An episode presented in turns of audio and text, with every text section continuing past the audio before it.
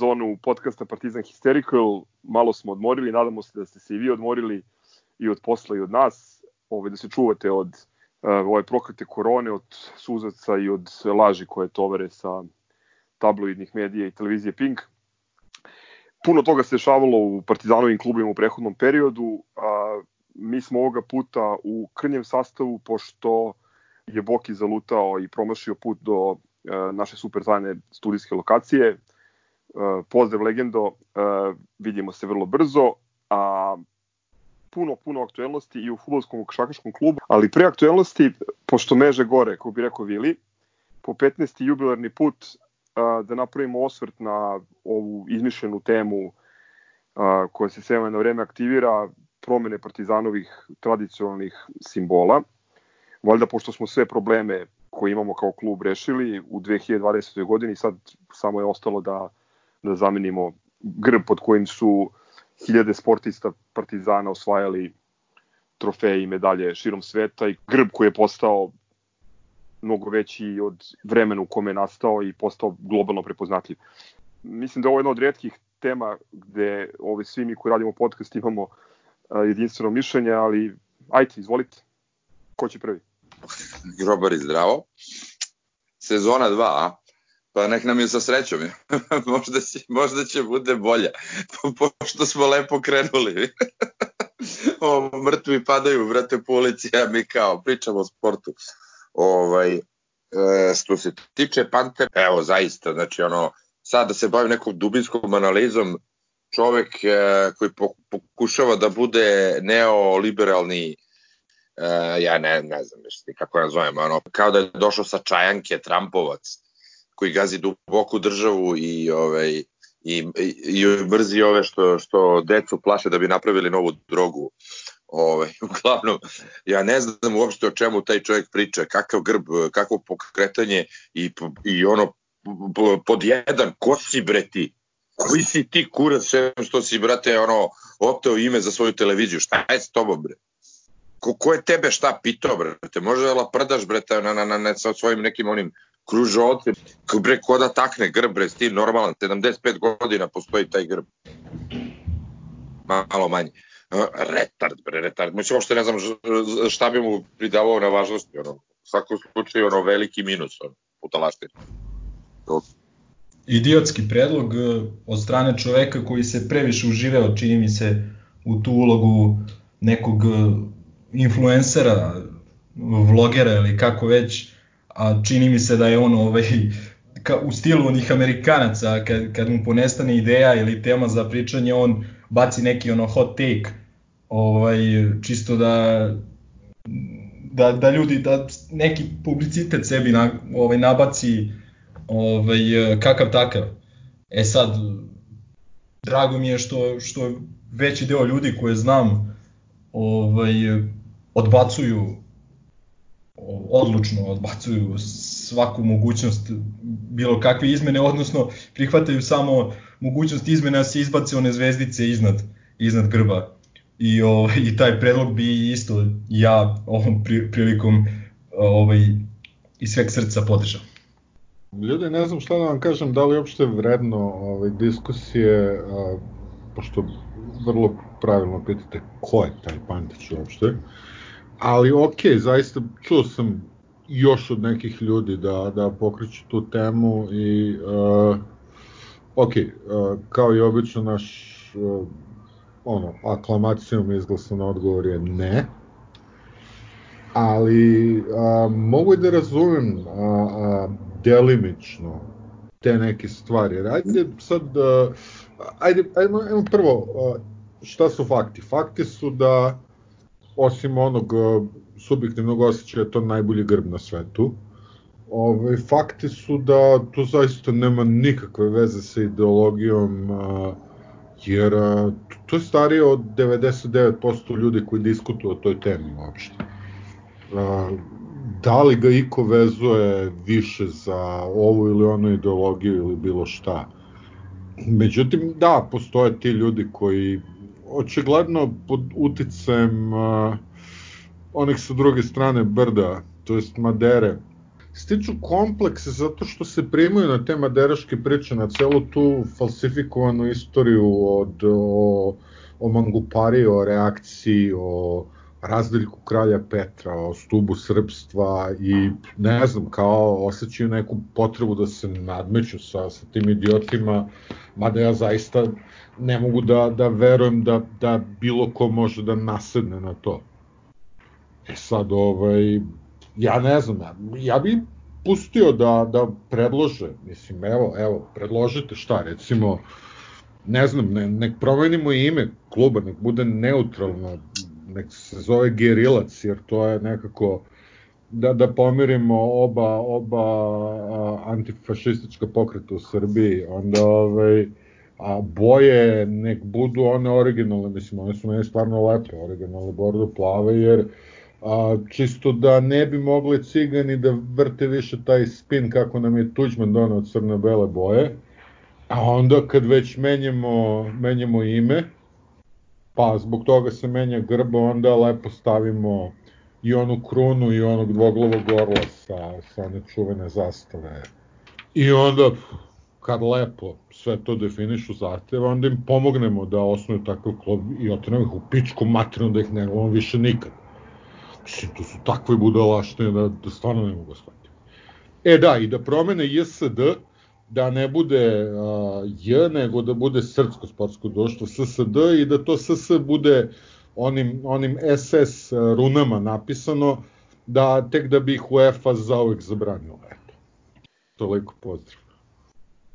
Pa ne, mislim, osim što je tajming ono, potpuno nenormalan i verovatno ima veze sa, sa ovim što je Milenko pomenuo, da je malo ovaj, prazna sezona između e, između utakmica da nema tema pa treba nešto da se o nečemu da se žvaće tu kao ima neka dva pokušaja ili dva argumenta, taj identitetski i komercijalni. I ni jedan ni drugi ne stoje, apsolutno. Mislim, izvinjam se što ću ja pokušati to da analiziram, ali stvarno mi nije jasno o čemu se radi.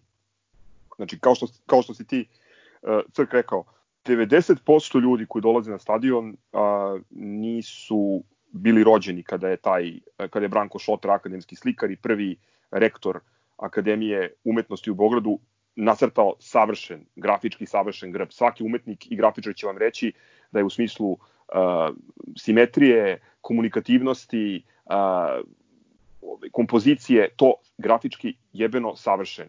Obaš kao što imamo i svoj font. Znači, govorimo o, o, ne, o nečemu što je nastalo pre skoro 70 godina, a što i dalje u grafičkom smislu perfektno. Na stranu to, što je 90% ljudi znači nije rođeno kad se to desilo. 100% ljudi koji dolaze na Partizan nisu izabrali da dolaze na Partizan zbog e, ideologije u koju veruju ili ne veruju ili stranke za koju glasaju ili ne glasaju, nego neki, neki totalno desnih razloga. Kao što ne dolaze iz nedelju u nedelju zbog politike, nego dolaze zbog e, futbala, zato što vole taj klub, e, vole njegove druge sportiste, pošto ovo nije samo grb futbolskog kluba, ovo je grb našeg celog sportskog društva. E, I sad neko pravi takvu zamenu teza i, i govori kako eto on će da očisti partizan ideologije tako što će da e, ukine njegove autentične izvorne tradicionalne simbole i da dovede neke druge koji su upravo motivisani ideologijom. Znači potpuno ono post istina, stvari okrenute na glavačke. Mislim, moguće da je to taj trampizam. Šta treba Donalda Trumpa da stavimo u, u, u grb da bi bili u skladu sa vremenom i, i, i svetskim trendovima. Ovaj komercijalni mi je još nenormalni argument, pošto tu po, postoji tendencija očigledno da se ono naj e, ekstremniji modeli kapitalističkih iz američkog sporta primenjuju tamo gde im mesto nije, odnosno da ne mogu da funkcionišu. Nije ovo e, ni država Kalifornija, ni država Teksas, ni upstate New York, ovo je Srbija i ovo je futbolski klub, odnosno sportsko društvo koje postoji 75 godina, evo slavit će ga e, taj rođendan u, u, u oktobru. Znači nije e, to menjanje, odnosno to prilagođavanje potrebama e, sponzora, e, novog grada u koji se putuje, ne znam, već novog rukovodstva kluba, to je NBA franšizing koji, mislim, tamo može da prođe, pije vodu, a ovde, mislim, to nema veze sa životom. To je u, najgore ono što postoji, to, to čak nije ni, ni, ni Red Bull Leipzig, odnosno Red Bull Salzburg, to je gore od toga. Sad će neko da napravi Partizana šta, Real Madrid Beograd ili, ili Belgrade Kings ili šta treba da radimo? Zato što je to kao potencijalno će da navuče 17, e, ne znam, navijača Sakramenta da, da, da kupe dresove. Pričemu je i to potpuno nebuloza. Da, da zaista neko veruje da, ne znam, navijači u Nigeriji, Saudijskoj Arabiji, Čileu, ako ih interesuje futbal, ne kupuju dres Partizana zbog, zbog toga što ima grb kakav ima. Potpuno nebuloza. Pogledajte koliko mali uh, amaterskih klubova širom sveta je upravo usvojilo taj grb i to ime zato što je upravo zbog te ovaj, kompozicije i, i tog grafičkog savršenstva o kome govorim. Sad ćemo da raspisujemo tender za, za nabavku novog grba. Mislim, to je potpuno ono nenormalno, nenormalno, antisportski u svakom smislu. I ne znam, ne znam šta bih rekao, zaista potpuno nebuloza. Eto, 15. jubilarni put, ali nadam se da je poslednji put da pričamo o tome. koliko te spalio Panter po večeri, pa ti si lud. Vidi, Ma ne, znači, pazi, baš me briga, on je, ne, ne. apsolutno me ne interesuju, znači ne, ne interesuju mi ni ta emisija, ni, ni te, ni te priče, ali ovo je stvarno prevazišlo znači, sve granice. Mi ćemo da 75. rođendan da menjamo grb. Ej, pod kojim je Partizan postao Partizan, pod kojim je poznat u celom svetu.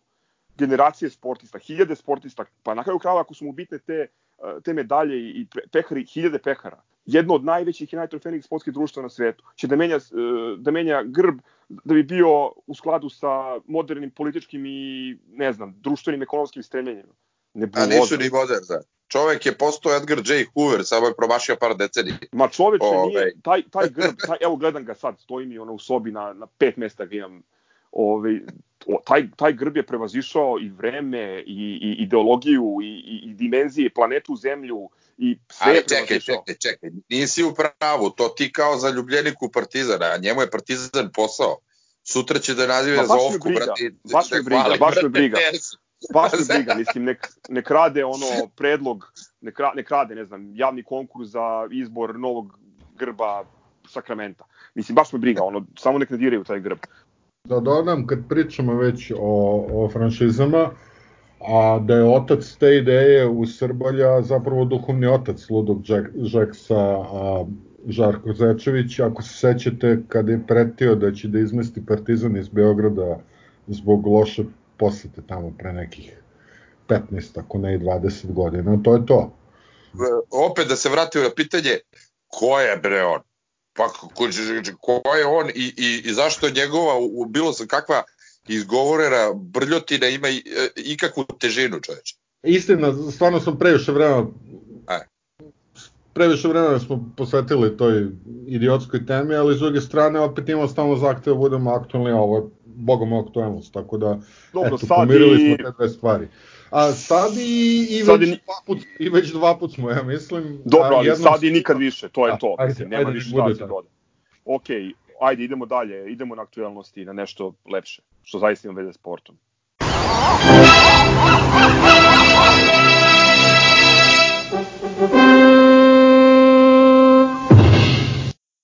Druga sezona Hystericala, nova sezona futbolskog kluba Partizan, odnosno pripreme za novu sezonu, igrači su na Zlatiboru u hotelu Palisad, što bi rekli novinari žurnala, vredno rade, pune baterije, noge su teške, ali sve će to ovaj, e, doći kao nagrada na kraju. A, svašto novo se desilo od prethodne epizode koju smo snimali.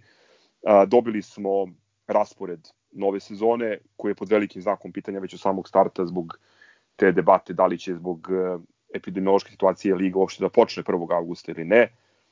A, Liga Evrope počinjemo 27 avgusta opet provizorno i e, imamo informaciju da će se utakmice u avgustu igrati bez publike.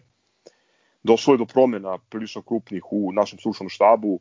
Um, Đumi je napustio klub iz privatnih razloga. Um, novi član stručnog štaba je kralj bunkera Radovan Ćurčić. Uh, na pripremama su neki mladi igrači, ne neki ima ih dosta, boga mi, ako sam dobro prebroj, ima ih 11. Uh, na pripremama je i desni bek, ako se ne varam, iz Gvineje, koga je preporučio Sejduba Suma i otprilike na tome se završava posle Makija Banja, kako smo već pričali, naš prelazni rok. E da, Gigatron je otišao u Ipeš, valjda, na pozemicu.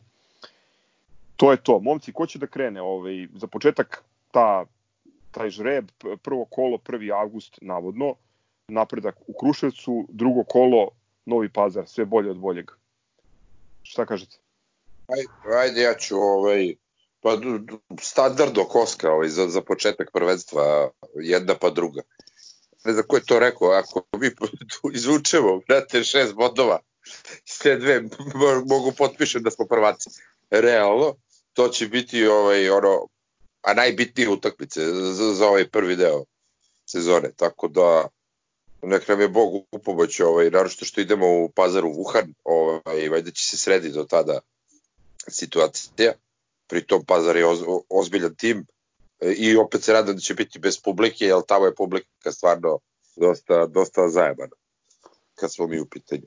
Dva o, terena, dva gostovanja, izvini, ovaj, na stranu Wuhan i, i COVID-19, dva terena koji su vam jako nezgodna u, o to.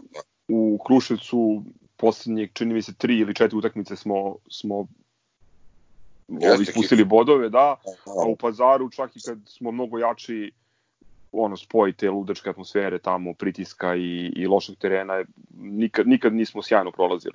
Da. Pazar inače koji je, mislim, završio deseti u, u drugom rangu i onda kupio ovaj status u prvoj u prvoj u Superligi, to je valjda onaj ono mesto koje je e, grafičar ljubazno ustupio Pa dobro, ali to, to bi moralo da nam bude olakšavajuća okolnost, pošto, mislim, kakav tim mogu da imaju, jebeška. Ove, da, ono što me nervira je što, mislim, i za pazar me nervira, pošto šansa tamo odeš na utakmicu su stvarno mizorne, ali nervira me što će ovo sad sve sigurno početi bez publike, znači nema gostovanja, ne verujem da će biti čak publike kod nas ovaj, pošto od kad su se završili izbori saznali smo postoji nešto što se zove a, drugi pik prvog talasa.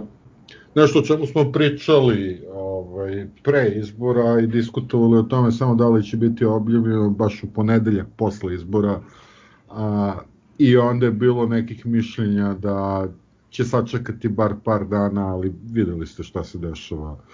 Uopšte nema potrebe da, da se bilo šta zamazuje, ljudi su ono otvoreno piše po sirotinji i to je to. Tako da bojim se da ćemo još dosta dugo trpeti posledice idiotske države u kojoj živimo. To što se tiče toga gledat ćemo, bojim se čak i od kuće, bojim se da čak ni na, ni na rezervnu lokaciju gde gledamo gde gledamo te utakmice na kojima ne možemo da prisustvujemo fizički, da čak ni tamo nećemo dobaciti. Ima tu još jedna interesantna stvar ovaj, koju možda mogli da prokomentarišemo, to je nova e, taktika uh, glibulje sa polja zelenih, koja evo ovaj, 15 dana pre zvaničnog početka lige već ima osiguranih 15 bodova. Postali su, ako je informacija tačna, od svojih 102 ili 103 registrovanih igrača koliko imaju, postali su petoricu u Zlatibor na prozemicu takođe novi superligaš, poslali su uh, jednog igrača i trenera u Indiju i deluje da ovaj, to što grafičar nije ušao ne menja ništa u, u nekom širem poredku stvari, odnosno da, da će oni da igraju prijateljske utakmice. A čekaj, to reći, ti je klub Zlatibor, to privatni klub ili šta je to? Uh, ne znam da ti kažem, pravo. Da, znam da je, da je uh, tamo gomila nekih fuzija, bilo i promena, ali najviše između u, Slobode i, i Sevojna. Ove, a sa Zlatiborom Stevojno, koji je da. sa Stevojnom, da, a mm. Zlatibor koji je tu uz jedinstvo puteve neki kao treći, četvrti klub tu u regionu, stvarno ne znam, ovaj, ne znam čiji je to sad. Ali u svakom slučaju pet igrača su im pozajmili. Ne, to... mislim, šta reći osim ne treba im plaćena titula, da ih citiram, tako da ovaj, a, već se nazire kako će biti sezona i a, ajde ljudi da se ne lažemo, znali smo to i prošle sezone, ali znali smo i pretprošle, tako da jebi ga. Ja, ja nisam ni znao da postoji e, mogućnost, koliko, ako se ne varam, postojalo ograničenje da maksimum tri igrača može da pozemiš nekom klubu. O, nisam, nisam znao da je moguće pozamiti pet.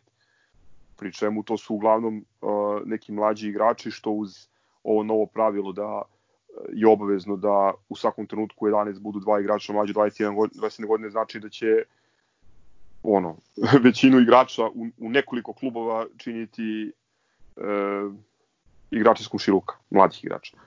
Evo, samo da kažem, kao najava sezone, ljudi, a, nemojte se nervirati, čuvajte nerve, bit će svinjac, a, bolje, bolje se smejte nego da, da, da se nervirate. Ma da, bre, ja, ja jednako uh, samo gledam Evropu, ovo, eventualno derbi, brate, što ne mogu da nameste, sve ostalo je apsolutno ovaj, deja vu, bon jovi, što bi rekli, ovaj, biće preslikana kao sve ove unezad sezone, mislim, idiotizam.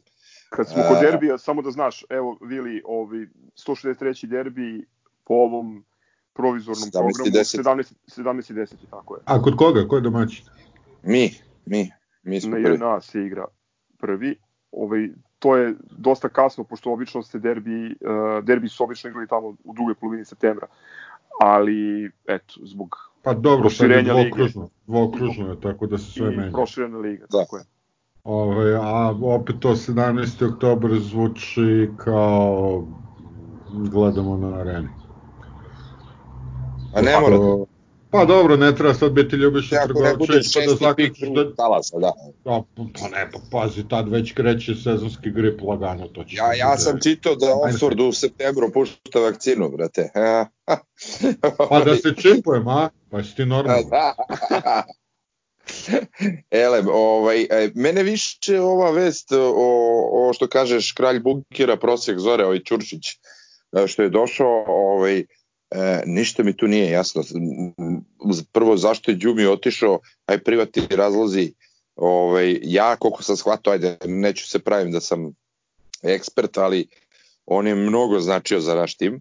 Ovaj, znači to što je otišao i ok, ajde što je otišao, nego što je došao ovaj bivši selektor, mislim, iz kog ga je stripa izvukao, stvarno ne znam da li je to ono e, saradnja iz FSS dok je Sava tamo ta, stolovao, E, ne znam o čemu se radi i ne znam šta će onda da, da pomogne.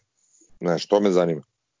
Pa vidi, ja sam mogu da ti kažem ono što sam čuo kao Savino objašnjenje, to je da je e, jako bio zadovoljan saradnjom koju ima s njim u Savezu i navodno su teli još ranije da ga dovedu, međutim nisu se, nisu se kockice složile. Ono što mene tu hm, brine, mislim, glupo reći da me brine, pošto ako je Savo kaže da mu treba, onda ovaj, imamo poverenje u njega i, i, i nema priče. Nego što prosto njegova filozofija futbolska je diametralno suprotna Đumijevo. Đumi je iskusan, stabilan trener koji je dosta pomogao Savi, a, koji je insistirao na toj uh, pressing igri na sredini, na, na, na, na brzim ovitim transformacijama, na ofanzivnom futbolu. Ovo je čovek koji je patentirao, mislim ono, Batađorina škola, jedan kroz jedan patentirao četiri zadnja vezna.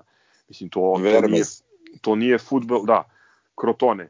Ove, to nije futbol koji nama treba, osim ako neće specifično na treninzima da radi sa, sa odbranom da eto, popravimo taj segment igre, to smo u rekapitulaciji sezone dosta pom- pominjali to da odbrana Pa, samo često, to. često Da, samo, samo to. baci ono što, ono što teško Čekaj, bukom- on je, koga je on trenirao? On je trenirao Javor, bio je selektor mladih, pa selektor neko vreme, ono, A reprezentacije, da je još nekog trenirao on. on je bio mm, na nekom Tajlandu ili, ili, ili tako negde. Uh, u suštini, Opa, Šukila. trenirao je, trenirao je Lady Boys FC. uh, bio je, ne, on vodio onaj Muang Stong, onaj u kome je bio i, i, um, Jokan, jer on Jokanovi klubova. Uh, bio, bio je nešto i u Čačku, ali to, Javor je, Javor mu je trademark, tamo je bio, mislim, skupa šest ili sedam Da. sezona, to su one trde Da, da, da. sa po četiri jablana od 196 u, u, u, u liniji i ono, mučenje na JNA do 90. minuta. To, to smo gledali jako puno puta. Ove, ajde, ne, ne znam da mu damo ono, što bi rekli u Pirotu, benefit Pa, of the doubts, ali, ali ovaj, eto, nije mi, ni, ni meni baš nije najjasnija, najjasnija priča. E, kad sam pomenuo Krotone, ovaj, uh, a pomenuo sam i to novo pravilo uh, o obaveznom broju mladih igrača, mlađih od 21 godine. Na pripremama uh, u Palisadu je trenutno, ako se ne varam, 11 uh, 11 klinaca koji se uklapaju u taj takozvani uh, bonus kontingent, tako ga zovu. I tu sad ima, ok, ima igrača koji su već debelo ono etablirani u, u prvom timu kao što su Fića Stevanović, ovaj Laki iz Večke ili ne znam, ovaj e, golman ovaj Pop, pa i Štulić eto koji je dobio neki minut pred kraj sezone. Ima ima ima Lakčević. Lakčević, da, ovaj koji je Maler koji je posle onog Jel se zna nešto o to o njegovom završenom rezultatu? Pa ja samo znam da je dobio koronu. Oni šćeki su dobili koronu posle prednjih ukrštenih, tako da ovaj nemam pojma u kom je u kom je stanju. Ovaj jedino što posle put kad sam ga video je na onom derbiju polufinala kupa na jednoj nozi pretrčao celu širinu terena da bi se ono grlio sa, sa drugarima. Um, ima tu dosta ovih klinaca koji su 2001. E, koji su već bili na pripremama ranije kod, e, i kod Save i kod Bate i kod Đukića čak neki. Ovaj, Stanojlović, e, onda ovaj mali kako se zove Čolić koji piše ugovor Štulić samo zbog prezimena Johnny Stanojlović brate Stanojlović je odlično, on ti bio najbolji strelac omladinske lige. A kažem ti, samo zbog prezimena bi mi igrao. E, ali osim, osim tih igrača koje znamo i ovih koji su bili recimo na poslednjim ovim zimskim pripremama, ima i, uh, ima i dva klinca 2003. godište, ono, verovali ili ne. Um, tu je ovaj desni bek Dragan Bojat, uh, to je onaj gol fenomenalan za kadete, ako ste gledali. Da, ono je da, da kad je prešao po strane, ne, da, i, i na kraju ovaj, lobovao uh, golmana Cigana sa, sa, sa Ivice Šestesterca. E, I drugi je Boris Krstić, koji je ono, meni jako interesantan igrač, jer to 2003. godište, uh, klinac je, ja mislim da ima oko 195. Ove, e sad, tu može da bude, imamo ranije, ranije primjer, ono, ne znam, Arnauta, Škuletića i ovako i onako možda bude, jer kad si fizički dominantan u toj meri, u tom uzrastu, onda ti je lako da daješ golove, ali, ali dosta ovaj, onako dobar osjećaj za, za igru. A pored njih, pored svih tih klinaca, da, tu su i Momčilović, isto je zadnji vezni, jako, jako interesantan, meni se dopada borben igrač, i Mali Radmanova, desni bek. Tu su ovaj, i igrači koji su uh, nisu iz naše škole iz, izvorno, tu je ovaj Denis Napas Stojković koji treba da potpiše profesionalni ugovor s Partizanom uh, 3. augusta kad puni 18 godina i tu je jedan igrač koji je došao na mala vrata, nikoga nije nešto puno ni pominjao, Luka Marković se zove. Ne znam da ste čuli za njega. Je, jesam, čitao sam skoro o njemu. E, to je, to je Krotone pominjani. Ove, inače, taj mali, ja se njega nešto malo sećam, on je 2000. godište, uh, on je bio... Ovaj, uh, Odakle kad se sećaš pedofilu majke ti je? Slušaj, bio je kod, uh, bio je kod Cigana u kadetima, pa je bio u Čukaričkom i onda je otišao dosta rano, boš ne znam kako, ono, da li ima neke porodične veze ili šta, bio je nešto u Juventusu, u njihovoj ovoj ekipi uh, yes, Primavera. To, to, to, to sam je čitao, da. I onda, I onda na kraju u, u Krotoneu, znaš. O čemu Mali, Mali je imao... A to je pozicija? Špic, špic. Ali Mali je imao ono... Mm, E, šta je imao interesantnu, interesantnu priču, bio je ovaj, upetljen u neki saobraćajni udes u Turinu. Ove, ako dosta, dosta ozbiljan i o tome, o tome je bilo reči. E, nešto kratko igrao i za Torino, vidjet ćemo. Vidjet ćemo. Moguće čak da zna, da zna Denisa iz, iz, iz Turina, da su neko vreme bili, bili zajedno tamo. Znači, Leonardova biografija. znači, mora neko obećava. obećava. Leonard, Leonardova biografija minus uh, skill i ono nedokazanje, mislim klinac je 2000 Eto, sad i ti, nemam rad. Mno, mnogo očekujem, da.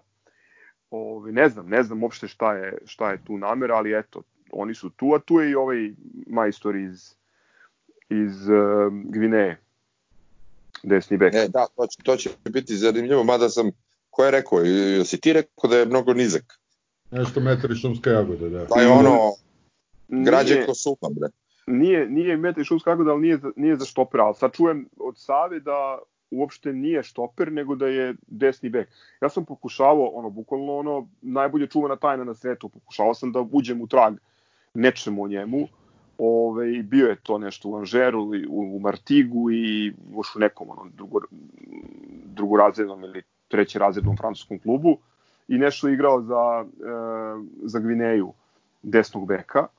E sad vidjet ćemo, naše famozne probe nije prošlo puno igrača u, u istoriji, ali opet činjenica da ga je Savo poveo na pripreme, a ovaj, već imamo tu Ćelavu koji je produžio ugovor i, i ovu dvojicu klinaca, to valjda Dobro, Ćelavi, Ćelavi prirodno treba da se pomeri na sredinu, ja mislim. Ako, pa, moguće da je to. Nađemo bilo koga pismenog desno, Ćelavom je prirodna pozicija u sredini, a ovo je silovanje i njega i nas. Moguće da je to da je to ideja. A tu ima sad još jedna stvar, ovaj um, ograničenje stranaca i tu se pri, ono priča, pazi, pe, za 15 dana treba počne sezona, ne zna se da li će ovi ponovo da da vrate onu inicijativu da se poveća broj stranaca na 8 jer izgleda da su odlučili da dovedu pola rezervne ekipe Lacija, ovaj pa pa im treba treba tu malo ovaj, lufta. Kakve pare, kakve budale jebe. Bože, ne bih se toliko smeo, pošto, A ne, kao što znaš, što plaćamo mi preko budžeta, da, da. tako da...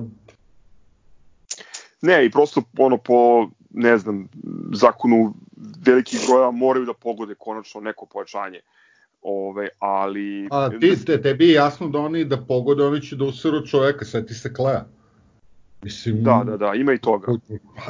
Ima i toga. Oni, ali, oni bi ali, pokvarili, oni su govne jednostavno. Manje me, manje me oni interesuju, više me interesuje šta ćemo mi da radimo ako ne povećaju broj stranaca. To bi značilo uh, da će ili da bude na delu neka ljuta rotacija ili ćemo da ili ćemo da ili će da prodaju nekog od igrača. E sad tu ima nekih tračeva da da suma ovaj možda ide. Ovaj mi se ne bavimo insajderisanjem i trčaranjem pa ćemo da preskočimo. Ja ću samo da kažem da ako je tačno da su optice i one pare koje se pominju po portalima da je sasvim okej, okay, ono. A koliko kažu, nisam, nisam pratio uopšte. Ma, nešto pominju 3-3,5 miliona, mislim, o, to je to, to, za igrača od 29 godina, to je Ma, odlično. Ja to je mislim, odlično. ako će neko da ide, to će biti fić. E, ču, čitam danas da ovaj Kalaba ide na kaljanje u Circle Brež. Video sam tu vest, ali ne znam iskreno da li je, da li je tačna. E, ono što me više zainteresovalo u celoj stvari je e, ono oduševljenje, ekstaza sa kojim su neki domaći da portali preneli što 2 miliona. Ne samo to, nego e, čini mi se da je kurir naveo u podnaslovu kako je, izvinjavam se na reklami, e, naveo je kako je Partizan dobio 10.000 evra obeštećenja za njega. I neki onako dosta zajedljiv pako, pakosni. Ne, ne, ne, mogu, ne mogu definitivno da progutaju ono, to da je dečko koga su onako nameštali, pljuvali, govorili da je invalid, da je drvo, da je ovo, da je ono, da napravi takav transfer. Ne mogu Mislim, to da... A, meni, je, meni je genijalno koliko oni govana pojedu i sa, sa Leonardom koji se sapliči na loptu i sa ovim a, velikim bogom, ovaj, Sadikom koji se ne ume da hoda. Tako da samo ih pustite nek jedu govna. Mislim, srećom ne pratim ništa od toga, ne čitam ta govna, čak preskačem kad mi puste link. Ono, onaj čuveni pajz da ne otvorim. Da. da. E, oni su trenutno na tapetu uh, na tapetu su, na tapet su stavili Makije Banjaka, videli ste amansno pljuvanje. Čak mislim sada, bilo je mnogo smešno, Olimpija je izgubila od um, Aluminija i, i Skidričeva i sebi zakomplikovala maksimalnu situaciju sa um, i, sa borbom za titul. Imali su Zicer, ono, pošto je Maribor izgubio u Sežani 4-1, izgubili ljudi na, na, na svom terenu od, od Aluminijuma. Uglavnom, uh, neko je čak opet pokušavao to da poveže sa Banjakom, iako je Banjak ušao tek u drugom poluvremenu, znači uopšte nije bio u igri kad je Olimpija primila gol. E sad, ako je ono grešan što nije dao tri gola sa pozicije štopera, ove onda je grešan. Ponovo, ponovo te pitam, da li, da li je bitna uopšte realnost? Bitno je šta, šta će budale da napišu, šta će da šeruju, screenshotuju i tu postoje ona paralelna istorija koju oni grade, Pa, mislim, od, od razdeljka kralja Petra nadalje, ajde, sve je jasno. Mislim, ne primajte se na to, bole nas. Lemije, si tu?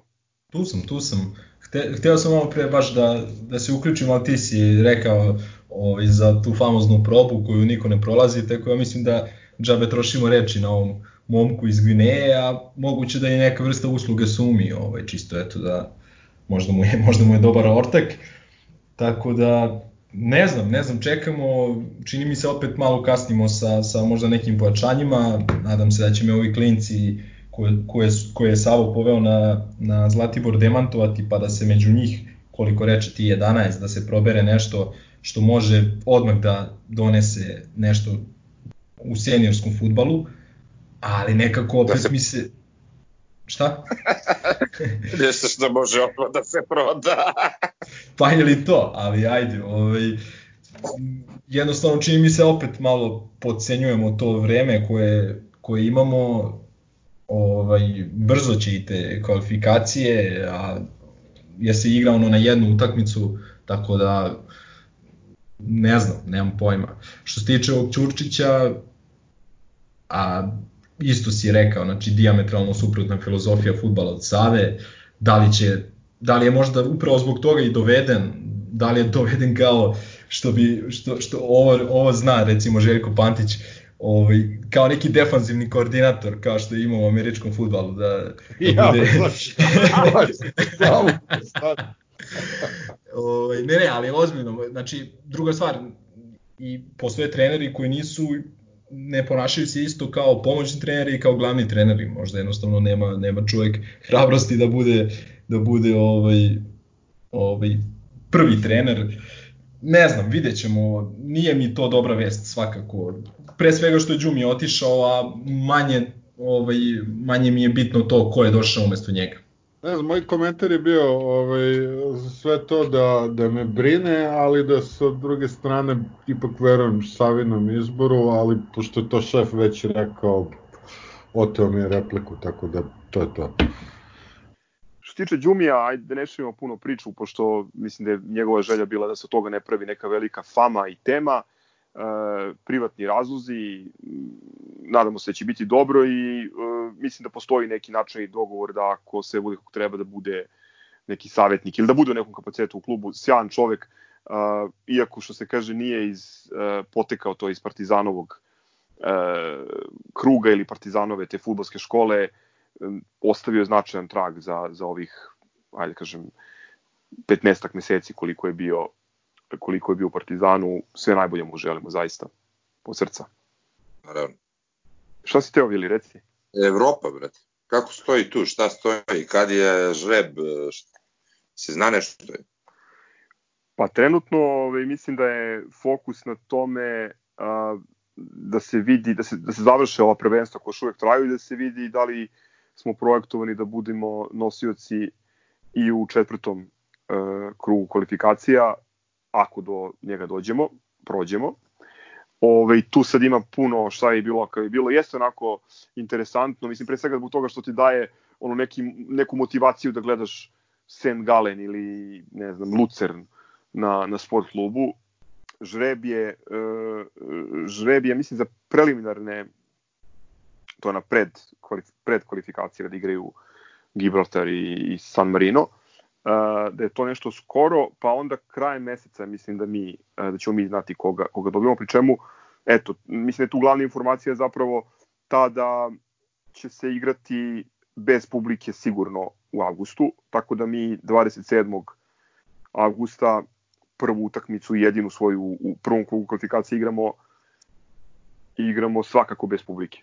Vidi, ja se bojim da će se to nastaviti na jesen, ali ajde da ne vraćam previše.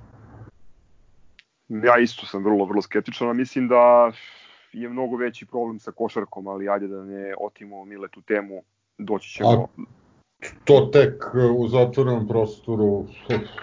u zatvornom prostoru i finansijski moment koji je tu mnogo bitniji, jer ti bez prihoda od ulaznica na futbalu nekako i možeš, jer je nagradni fond veliki, a i transferi su veliki u košarci. Bojim se da ceo model poslovanja pada u vodu. O tome smo pričali više puta malo napamet, sad mislim da ima više, ima malo više ovaj, informacija, tako da možemo kasnije u sklopu priče o, o žrebu za Eurocup da, da popričamo da popričamo o tome. E, ništa, ja bih samo mogao eventualno da vam pročitam to ovaj, ko su mogući, mogući rivali ako, Ajde. ako, ako hoćete A sad mi O. kaže, igra se ono po jedna utakmica. po Da jednu je- utakmicu. Bože, dobro, ajde.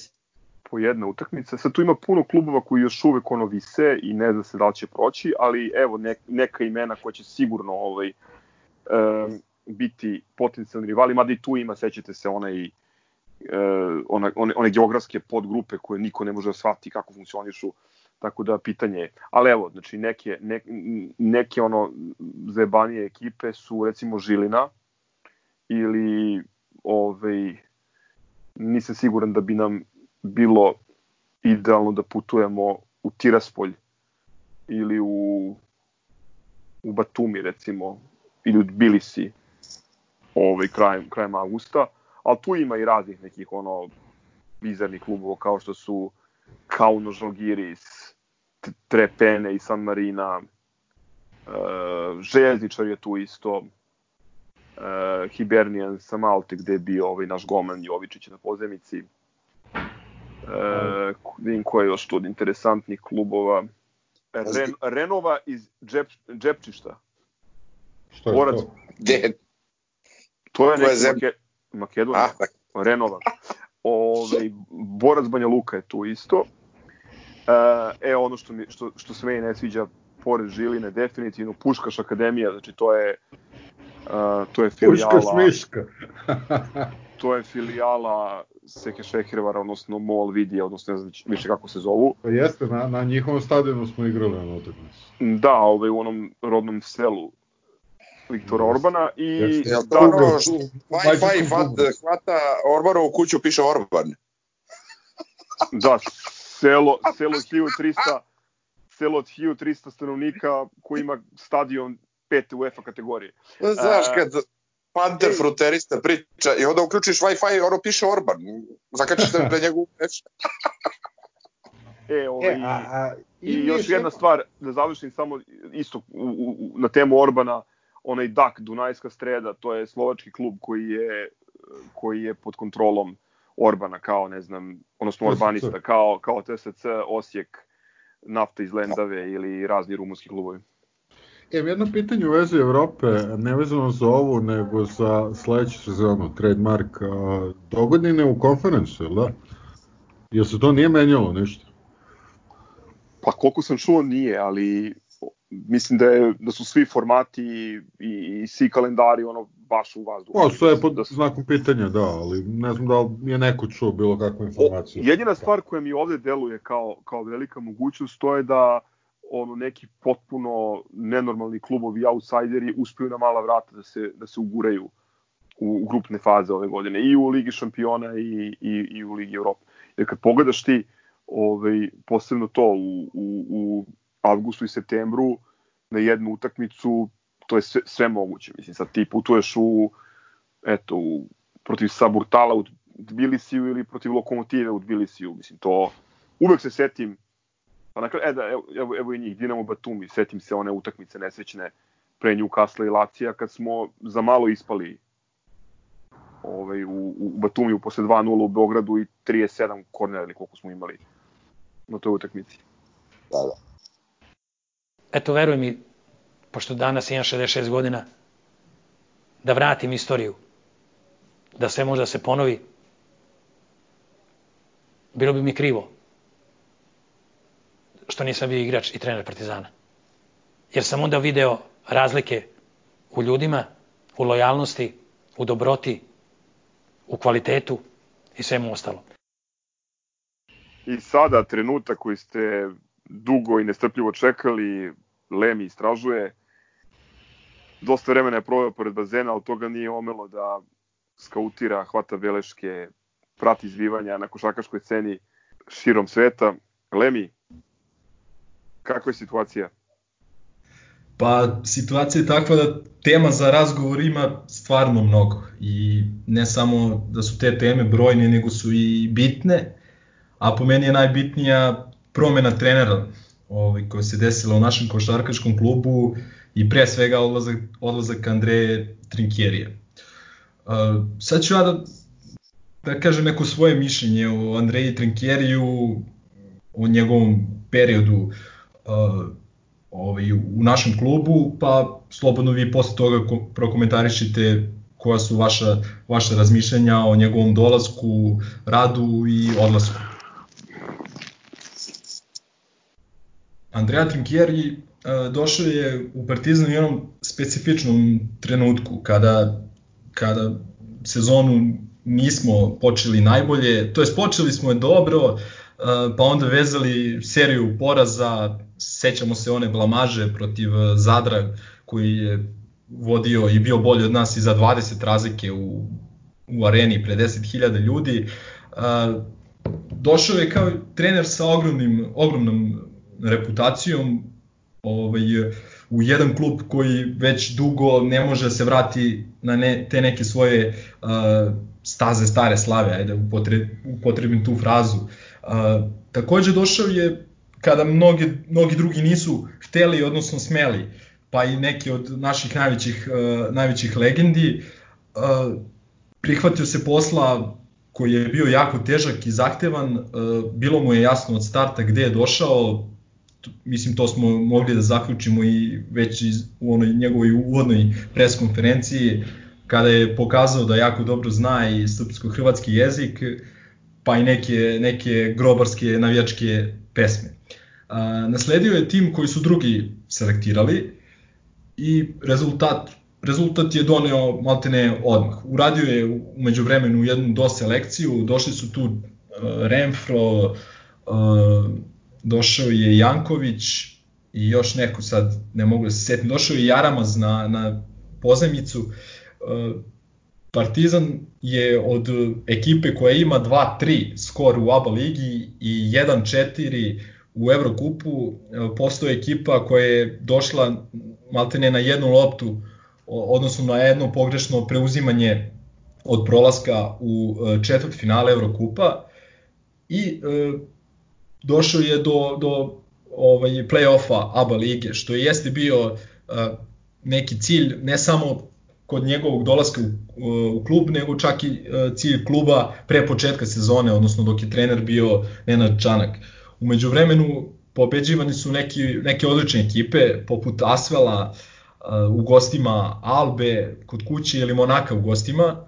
Asvel je kasnije postao šampion Francuske, pobedivši baš Monaku u finalnoj seriji, dok je Alba postala finalista i Evrokupa i, i Nemačke Bundeslige. E,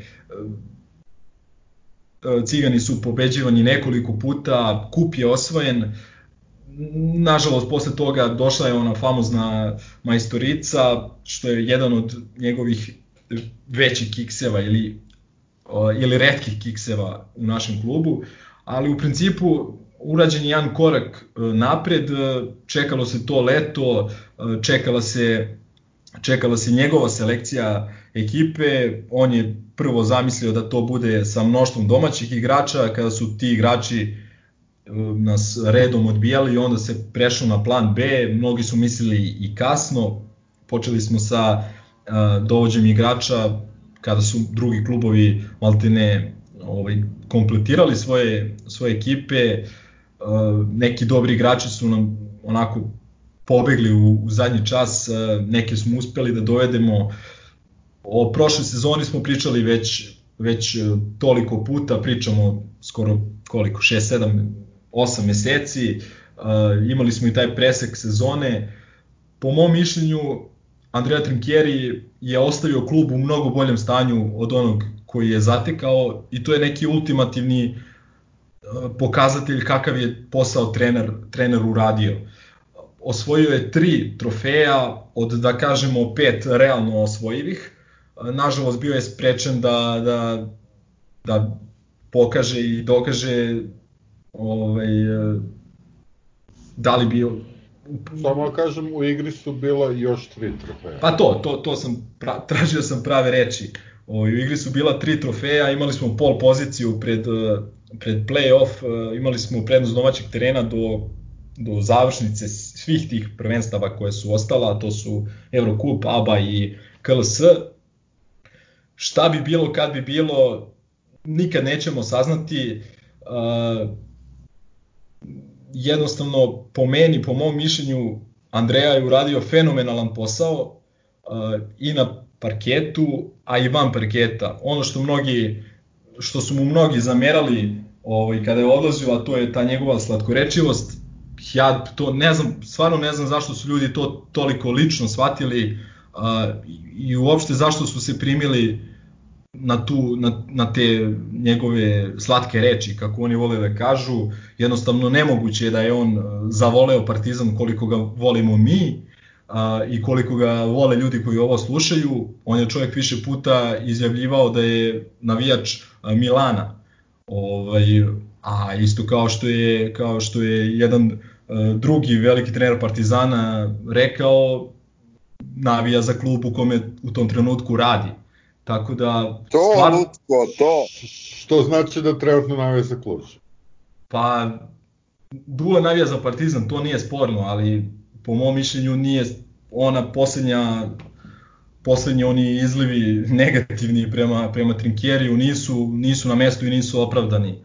Zato što jednostavno stvarno ne vidim, mislim Partizan je napu, napu, napustio ga je vrhunski trener, to i Dule zna, a, trener ko, koji je, da kažem, koga je jako teško zameniti a, i trener koji uradio sjajan posao, trener koji je vratio Partizan na košarkašku mapu Evrope, a, trener sa kojim Partizan je išao na pobedu i na jako teškim evropskim gostovanjima, padala je i Bolonja, padao je i Villerban, uh, Limož pregažen, prvi put, pobed, prvi put smo u istoriji pobedili u Litvaniji, uh, razvoj igrača je bio tu, što mu se isto zamera, ne znam iz kog razloga. Uh, Vanja, Lendel i Renfro na kraju krajeva otišli su, otišli su u Euroligu nakon tog kratkog rada sa njim.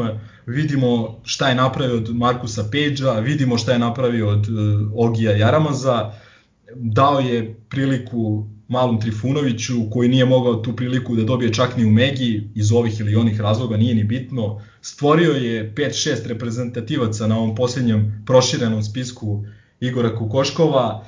Sve vreme je trpeo ogroman pritisak e, od strane velikog broja navijača Partizana, što on kaže 2 miliona navijača Partizana, veliki pritisak e, i od medija. Dovodio igrači iz drugih agencija, takođe mislim vidimo koliko imao uh, poverenja i u Radeta Zagorca kada, kada su mu i navijači Partizana okrenuli leđa, vidimo koliko je razvijao Jaramaza i da možda nije hteo da, da dovodi bolje strance na njihove pozicije, da, da ne bi njih gušio, jer, jer je shvatio da su, da su i oni uh, svojevrstan projekat kluba i da su oni ti koji zapravo treba da rate Partizan na to mesto na kome je bio.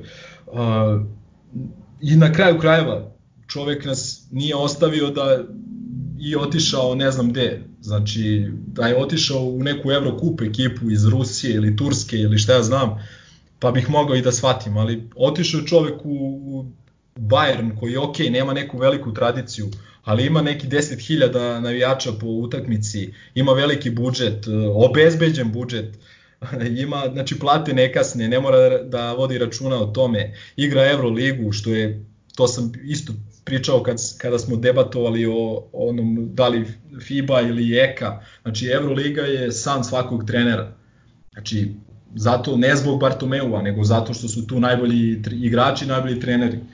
Tako da je on otišao u jednu situaciju koja je nažalost bolja od ove naše trenutne, gde vidimo da ćemo imati uh, slabiji nešto slab, slabiji budžet, e, slabije uslove, ovaj, e, znamo i, šta, i kako je gubio određene utakmice bitne, setimo se i četvorokoraka Berona i onih tehničkih greški kada, kada ga je onaj, čini mi se Glišić isključio, ako se sećate, dobio dve tehničke u roku od 40 sekundi, ono nikad nije viđeno na, na košarkaškim terenima.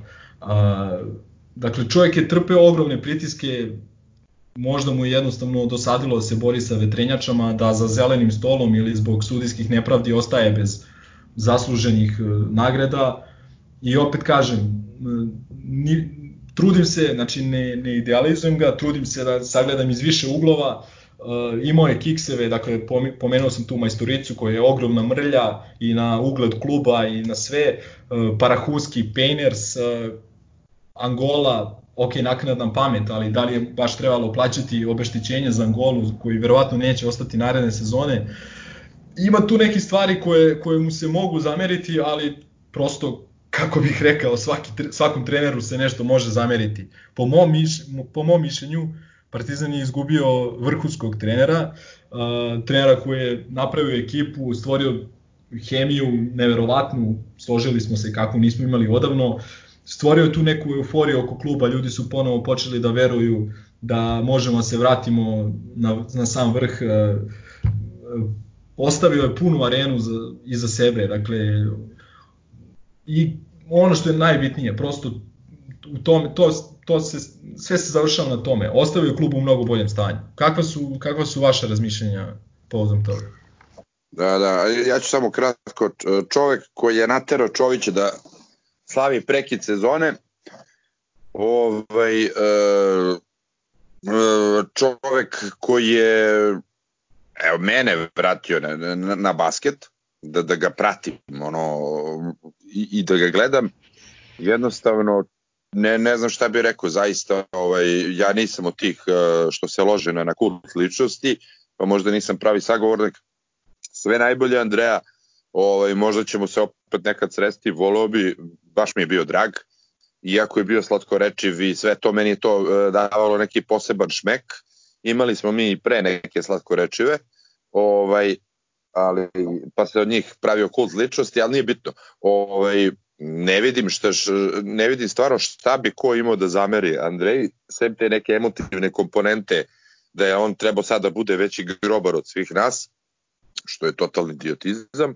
Ovaj, I ne znam, ovaj, u krajnjem slučaju mislim da je spremio Vladu Šćepanovića dobro, da je imao dosta toga da nauči i da je naučio, tako da opet e, taj neki stil, to neko vođenje kako je on vodio, mislim da će se nastaviti, da će imati kontinuitet, ovaj, zato što je Vlado naš igrač, e, provereni grobar, partizanovac, nazove kako god hoćeš, mislim da je dovoljno inteligentan, da je dovoljno e, smiren, e, da, je, da, ima, da ima tu hladnokrvnost koju recimo Andreja nema i da će tu biti ovaj da će to biti jednostavno kontinuitet tako da će vidjamo a domani Anti auguri. Ja mislim da je Andreja, sve stoji Milenko što si rekao, ali mislim da je ostao nedorečen i jako mi je žao što je, što je otišao. A, nismo ga doveli da bude navijač, doveli smo ga da bude trener, doveden je kao trener sa reputacijom, s pedigreom, sa, sa nekim znanjima, s jasnom idejom i ovaj, nije, mislim, nije bilo potrebe, ajde kažem, sa njegove strane možda da šaljete neke signale i poruke preko društvenih mreža, ne znam, snimci sa utakmice protiv Cigana u polufinalu kupa e, i tako dalje, mislim neke dvosmislene poruke, to je malo onako ostavilo loš utisak.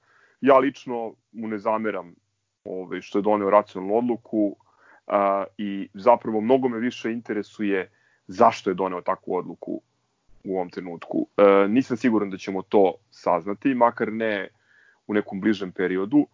Drago mi je da nismo radili podcaste u periodu kada se ta cela stvar dešavala, pošto je rečeno puno ružnih stvari ovaj, sa, sa, sa raznih strana. A, ja lično Trinkjeriju e, ne zameram što je, e, kada je razgovarao sa, sa, sa klubom, verovatno postavio određene uslove, određenu viziju, e, određeni, da kažem, e, set stvari koje treba ispuniti da bi on mogo da radi normalno. Na kraju krajeva nije sam sebi dao platu kako je dao, pošto vidim da je to sad isto postao veliki problem. Ne znam, ono, da li treba da nam pređe u, u, u naviku da ne plaćamo trenere. E, kažem, jednog dana ćemo možda saznati celu, celu priču i, i, i gde je to tačno puklo. Ne mogu da verujem da mu je kao košakaškom treneru koji ima iza sebe nešto, da mu je veći profesionalni izazov da radi u fub, košakaškoj franšizi futbolskog kluba e, Bayern nego da stvara igrače i da, da pokuša da vrati Partizan koji je mnogo veći klub od Bayerna iz Minhena da vrati na, na, na neke visine e, kojima pripada. Mislim, sve, sve najbolje mu želim i eto sad Šćepi treba pružiti podršku, ponovo resetovanje. Ja, ja imam osjećaj da smo se vratili nekoliko koraka unazad. Um, veliko je, mislim, ne, ne bih voleo samo da, da Šćepa koji je mlad i talentovan, ali neiskusan prvi trener, uh, ne bih voleo da sad on izgori. Imamo primere i ovakve onakve i svoje istorije, imamo i, i ekstremno dobar primer Željko Obradovića, imamo i nažalost primere uh, iz skorašnje istorije kada su neki treneri prosto radili u previše teškim uslovima da bi mogli da naprave da naprave rezultate, ali mislim da nezavisno od toga ko sedi na klupi da, da, da moramo da podržimo klub ukoliko to bude moguće, ovaj, pošto mi lično sum da će se igrati da će se igrati sa publikom. Um, samo još jedna stvar uh, na temu, na temu Tenkjere, zapravo na temu tih okolnosti po kojima je napustio klub. Meni je jako zasmetao način na koji je sam klub uh, tu promenu iskomunicirao ka, ka publici. O, užasna vest, teška vest, teška promena. Uh, ako se priča i slavi i udara na sva zvona kada dovodimo igrača, zašto se takva stvar krije? Uh, šta više, zašto se puštaju loše, loše priče o, o, o treneru koji je svaki eurocent koji je zaradio, zaradio pošteno. To, mislim, to nije manir velikog kluba, to je, to je seljački, ono, jajerski način i to me, ono, baš nervira. Ali ajde, ovaj, možemo posle malo detaljnije da popričamo i o ovoj drugoj strani medalje, o sklapanju tima i o tome, o tim prvim odlascima i dolascima u klub. Evo, baš je dobro što si mi oteo majke, sam malo pre hteo ja da, da pričam. Ovaj, a, ne znam kako ti nije jasno a, zašto i pod kojim okolnostima je otešao a, jednostavno a, ono što se nacrtalo da bude ova nesrećna a, Čović sezona i tu, tu je potpuno u pravu ovaj, debeli Dukljanin a, kad kaže da je najveći profiter od koronavirusa Čović 19 i naravno ne treba zaboraviti ni onu opasku od sunaci koji nam je svima jebao majku.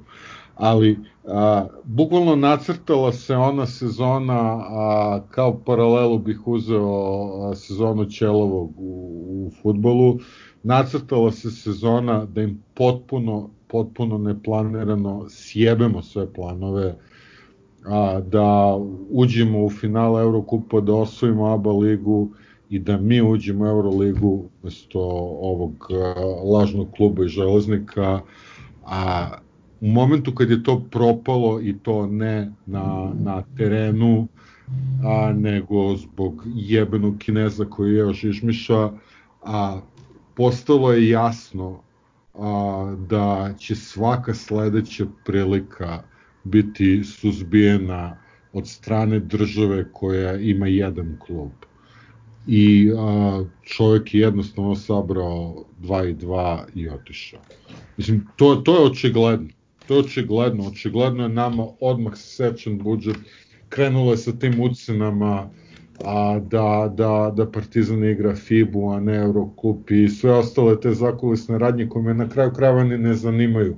A, to je oko motiva, a što se tiče ostalog, potpuno, a, potpuno se slažem sa svime što ste rekli, a, odličan posao odradio, a, mnogo bolji klub ostavio nego, š, mislim, u mnogo boljem stanju ostavio tim i klub nego kad je došao, a žao mi je što ide, ali stvarno ne mogu da ga osudim. Ljudi, ako stvarno emotivno primate svaki neki tweet ili... Da, to je besmisleno. Ovaj, je što si otišao Andreja, a mnogo sreće. A da li je klub u boljem stanju? Da li je, da li je klub pa u boljem nije, stanju? Zna, u kom smislu nije? Nije u boljem stanju zato što je sada, a, kako da ti kažem, a, sagledana je opasnost od toga da onaj većiti projektovani drugi ispliva. Što se dogodilo u Markovoj sezoni. Potpuno ista stvar. I da, zbog toga nije, zato što je sad budžet otišao u pičku materinu. A Ali vidi to što upravo oni dovode, a gledaj, smo- gledaj samo što oni dovode. O čemu Ne, priča? ne, ne, oni, oni, oni, njih neću ni da pominjem, mislim, to Pa, je, to je se klub za koji, za koji kriza nijedna svetska ne O tome postoji, se radi nacrtano da oni igraju Euroligu, a da mi igramo neki Ciprijepi kup ili kup Lilijane Ronketi ili Slavice Čuktraš ili bilo šta. i da Ja se ne, radujemo. Ja da ne bih ostao. Ja i ne da bih ostao. I da se radujemo kad uh, navijači izaberu prvu petorku Evrokupa. Pitajte. Žota, pitajte, ajde, ja nisam neki kriterijum, pošto jebeno ništa ne znam o košarci, ali pitajte Žoca da li će da vodi kao veliko grobarčno, da li će da vodi Partizan u kupu Slavice Čutraš. Hoće boli ga kurac. I ajde sad da, da se drkamo na, na, na žabicu što neće. Dobro, ali to upravo pokazuje da znači problem nije Andreja Trinkieri, nego je problem način na koji su stvari postavljene u košarci u našem klubu Problem i, je Srbija. i da, se, da smo To mi na vrlo da smo mi, mi na vrlo kli- klimavim nogama. Aj sad, Lemi, da, da, da pređemo, pošto ovaj, se odužila ovaj, ovaj, ovaj deo priče, da pređemo uh, kratko na Šćepu pa na, na dolaske i odlaske. Ovaj, uh, šta ti misliš? Da li je uh, da li je sazrelo da Šćepa dobije ovako vruć krompir u ruke? E, samo moram, ovaj, kratko ću e, pre nego što pređemo na Šćepu, e, dve stvari. Kada sam rekao da je klub ostavljen u boljem stanju, mislio sam na igrački kadar.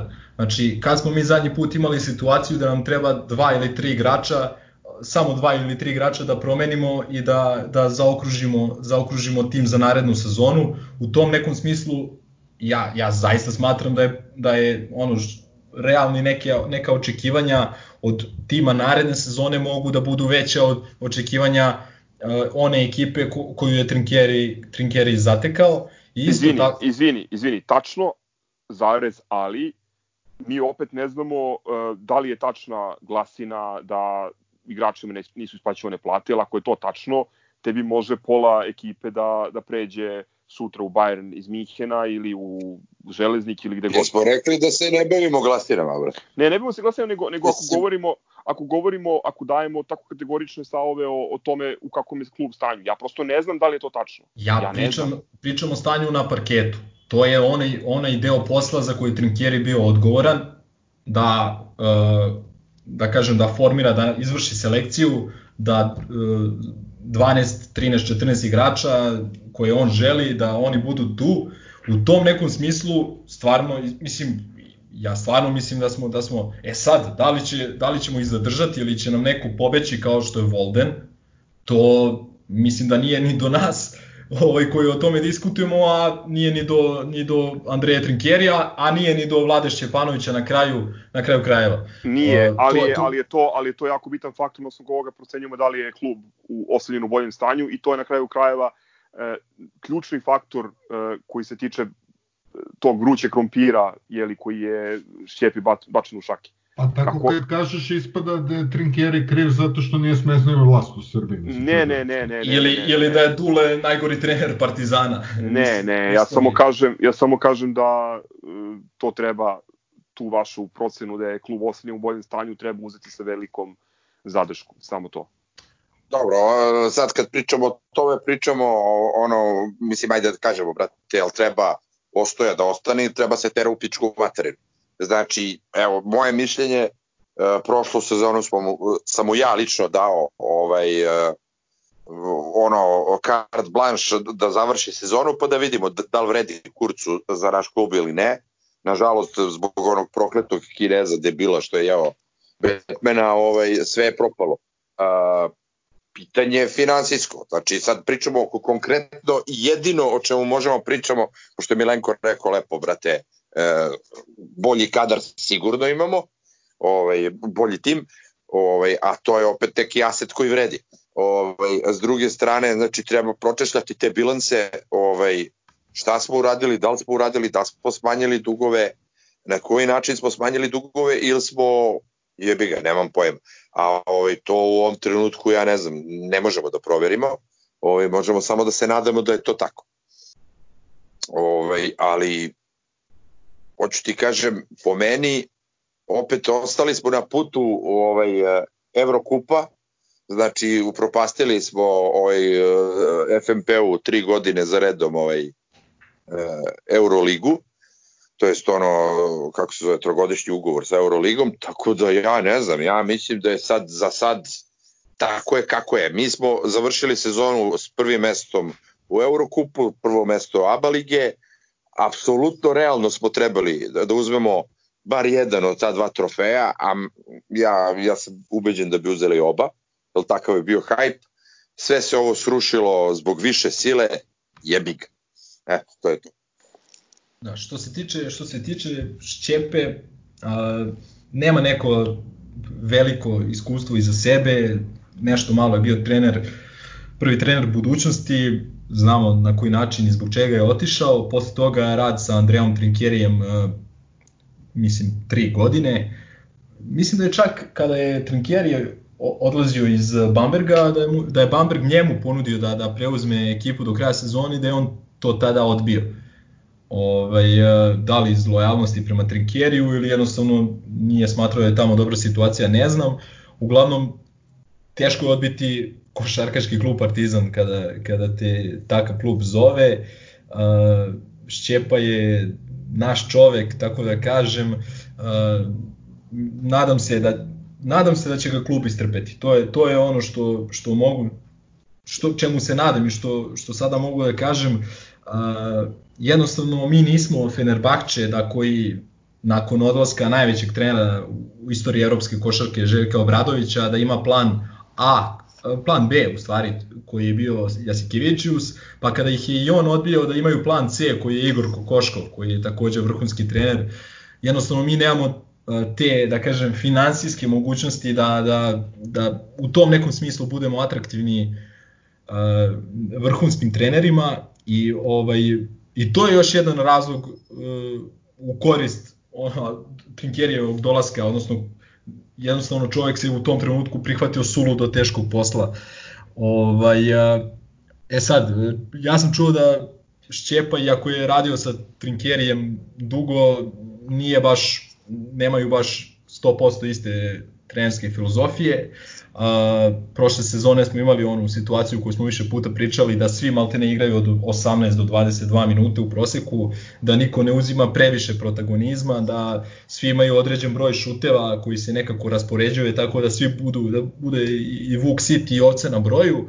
A, koliko čujem Šćepa je pristalica nešto drugačije rotacije e, i toga da se, da se jasno definišu neki lideri Ovaj, e, tako da vidjet ćemo. Mislim, je, to je jedno, jedan veliki znak pitanja uvek kada ti dolazi trener bez, bez nekog velikog iskustva. Hoćeš da pomeneš onu pozitivnu stvar uh, u vezi skautinga i mogućih pojačanja? Hoću. Uh, to nije nikakva tajna. Uh, kum Vlade Šepanovića je Peđa Drobnjak, koji je scout uh, Sacramento Kingsa, Ovaj, koji put pominjamo Kingse u, u ovom podcastu.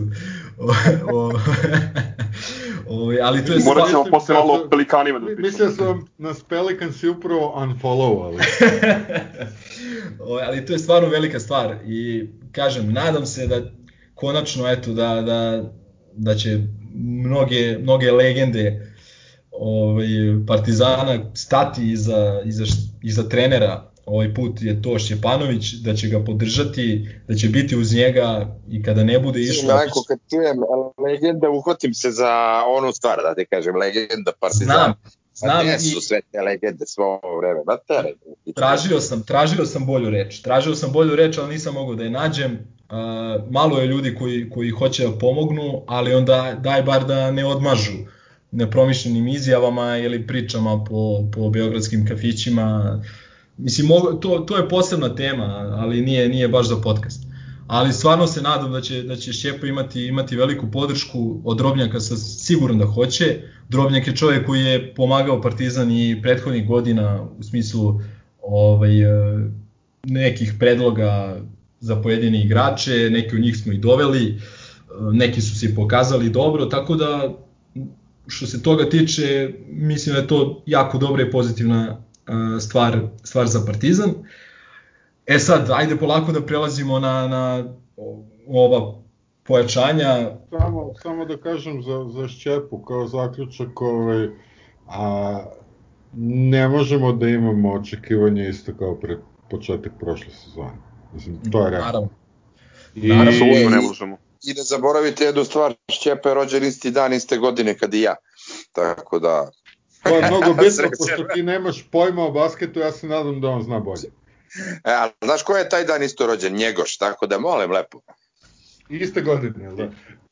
Iste godine. I Njegoš Petrović i Uroš E, Petrović. E, profesor, da, profesor Vuletić, da, da, da, zbog tvrdog oraha voćke čudno. E, Lemi, ili mogu ja da počnem sa ananasom, odnosno Naravno, Valdom? naravno. Um, pa ovako, e, neki pažljiviji slušalci će da se sete možda da smo mi u 27. ako se ne varam, podcastu, kad smo govorili o perspektivama u sledećoj sezoni, maltene ono zdravo za gotovo uzeli da Volde neće ostati kod nas. E, zbog te buyout klauzule i realno činjenice da je on znatno, znatno prevazišao ovaj, ovaj nivo takmičenja. E sad, uh, ono što mene što meni smeta u celoj priči je što nije baš morao da ode da ode kod njih. Ove, ali pff, mislim da će da će da mu se ogadi taj suravi profesionalizam uh, posebno ako se bude ja, ja bih rekao da za a, KK pokojnicu važe isto što i za FK koji još uvijek ima isti PIB, a to je ko se tamo proslavio i bolje prošao nego, nego što je plaćen kad je došao. Ajde. Um, ne znam, vidjet ćemo. Mislim, e, objektivno posmatrano, kada smo analizirali prošlu sezonu, Volden je e, uz izuzetak one fenomenalne e, partije u Bolonji,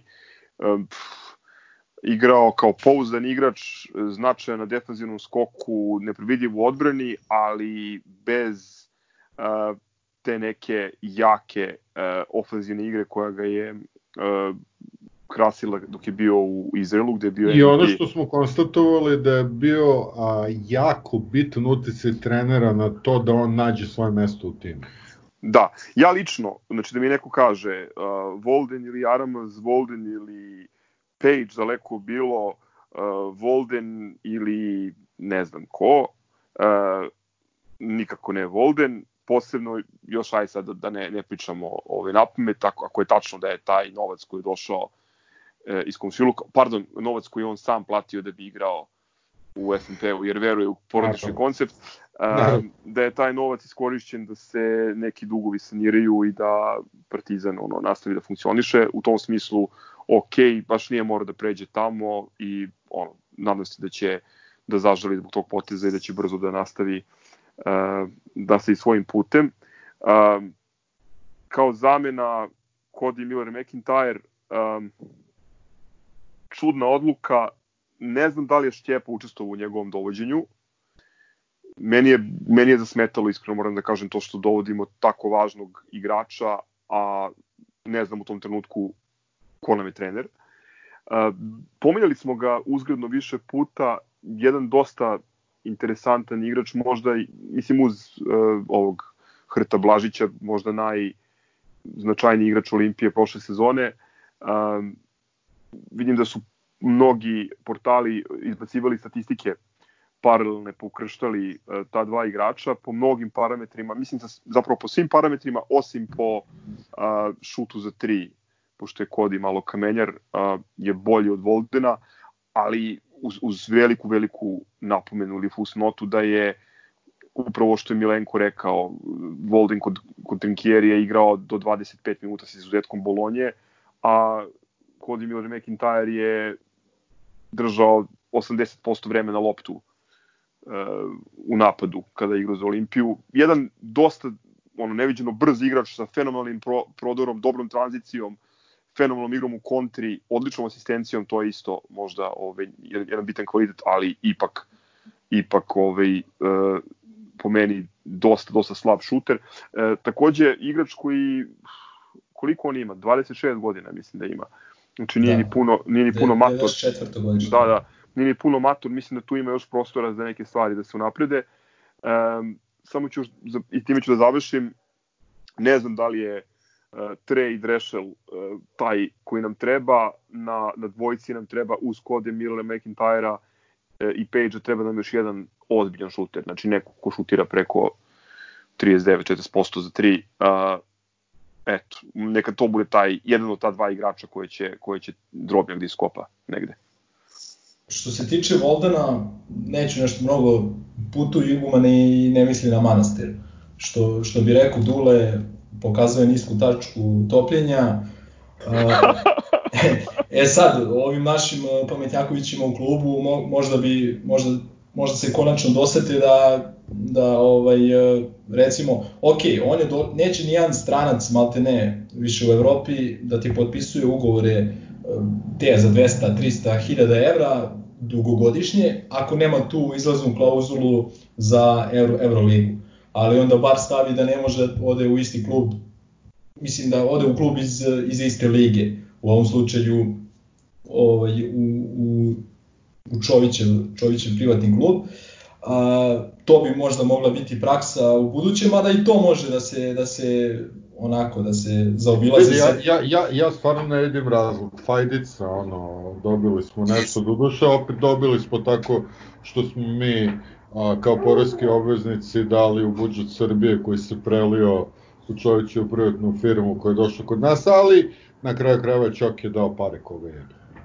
Meni uopšte nije jasno toka drama, zato što je neko iz KK prešao u FMP, e, mislim, milion slučajeva unazad, to je meni jednostavno nekako u košarci skoro normalno.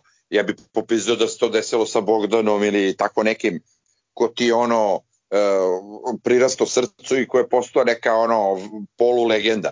Ali, brate, neki Volden koga, ja nisam mogu ime mu zapamti, brate, do Bolonje. Bukvalno. Ovaj, e, mislim, pre, prelazili su i odande kod nas i, i kod nas tamo, imali smo i trenerske transfere, milion njih, ne vidim uopšte da u basketu to, zašto je to sad postalo odjednom neki hype. Nekom, brate, Voldenu iz e, Kentakija, koji je, brate, do juče brao kukuruz u John Deere, brate, i sada došao ovde da pika basket koliko njemu znači i da li on razmišlja o tome uopšte. To je, hey man, fantastic, uh, fun, we are...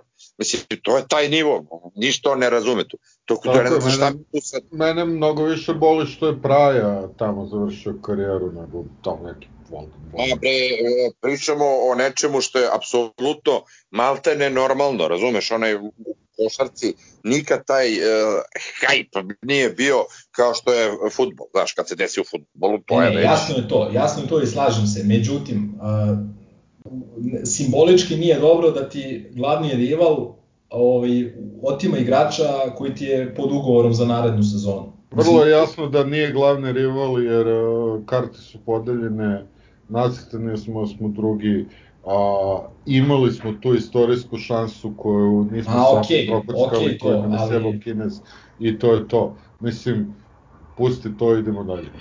Nije to sporno, ali to je, kažem, to je e, bitno iz tog razloga i shvatim zašto su ljudi ovaj, e, ono, se iznervirali.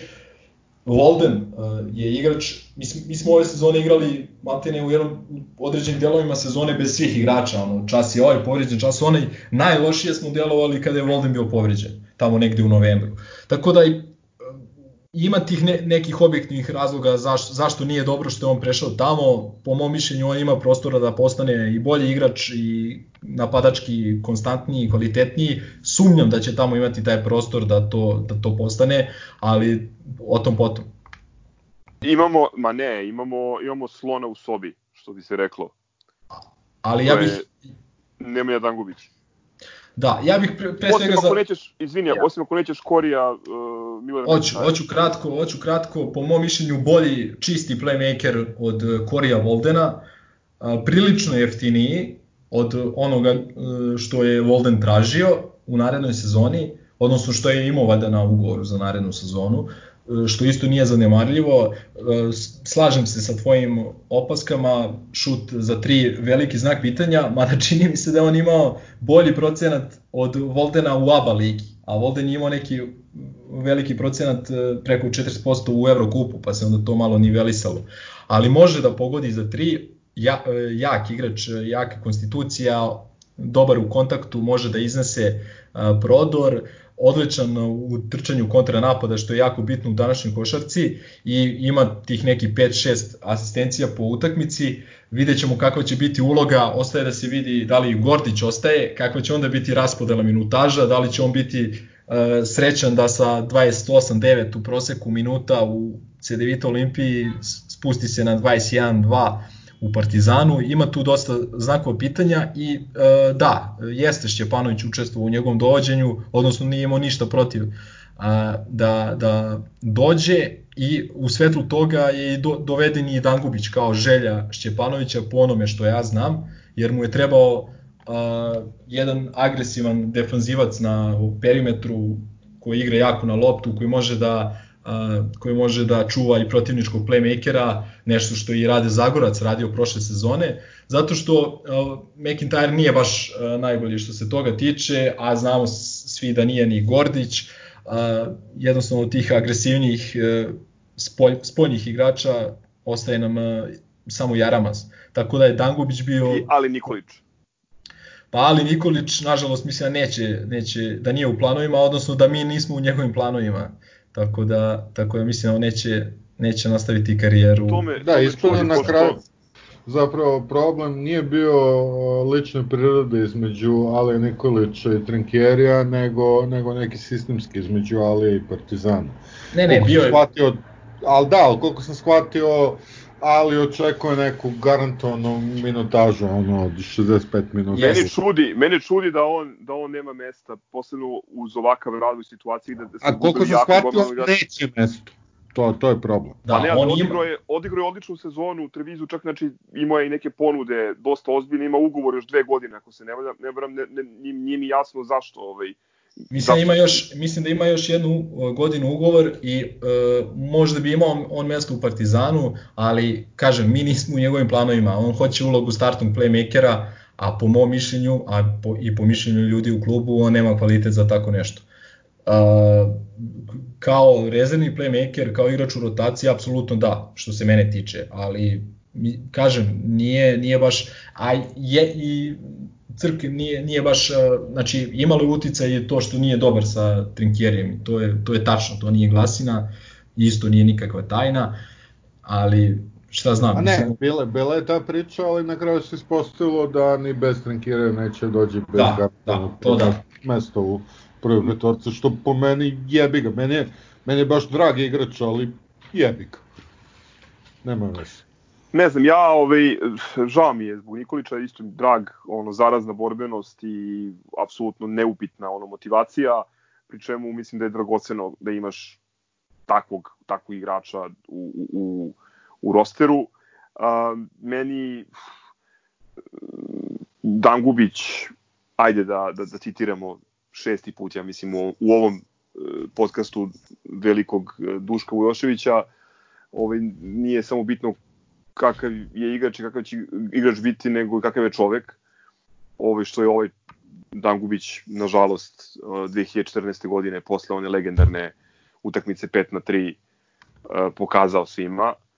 Eh, ne znam, mislim da je, nešto sam malo gledao kako igrao u Estudiantesu i pre toga u, Nemačkoj, meni je to igrač bez veze, ono, čist luksuz, može on neke specijale da odigra to u odbrani, šta je znam, ali Kamenjar jedan mislim, mislim da nedopustivo loš, lo, loš, loš u napadu i bojim se da će da guši i Čempije i Zagorca u napadu, a u odbrani, kažem, to što on donosi mogu bi da donese i Ali Nikolić po prepostavkom da želi, a i neki drugi, ono malo, malo bolji američki defanzivni igrač mislim da bi mogao.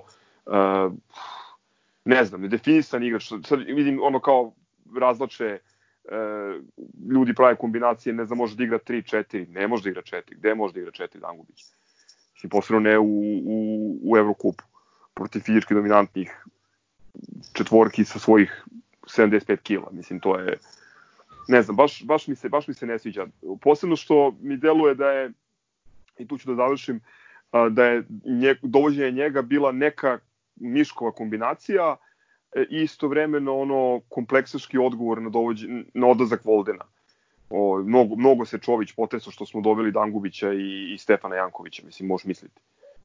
Smešno. Pa, Pazi, još, da- još, da- još samo Lebranka da, da preotmemo i da... Pa, da, mislim, što, što se tiče po, igrač, po ljudskim kvalitetima, mislim, Smegma je ono logičan sledeći korak, ali zaista. Ne, dobro, vidi, ja ne bih uopšte ulazim u ljudske kvalitete, kao što nismo ulazili Jao, ni u ljudski kvaliteti, Ka, mislim, E, e, ko je to rekao i kako, i kako se ponaša, brate, baš ljudski, mislim, znaš. nebitno uopšte. Nebitno uopšte, mene, mene brine njegova igračka uskraćenost, a za ljudske kvalitete me zabole. Mislim, ljudski kvaliteti i Fajer Ožegović i Seko Badnjak sa Fantomkom i i Mustafa, njega naš volim. kapiten, O, ovde je Mustafa to, kapiten ovde je to obožavamo. Ovde je to bitnije, ovde je to bitnije jer, jer, jer praviš, e, ne kažem sirotinski tim, nego tim za manji budžet koji mora da bude kompaktan. Imaš e, kostur ekipe koja je e, 80%, da kažem, ekipa od prošle sezone gde, je- gde je snaga slučionice bila značajan ono sastojak uspeha.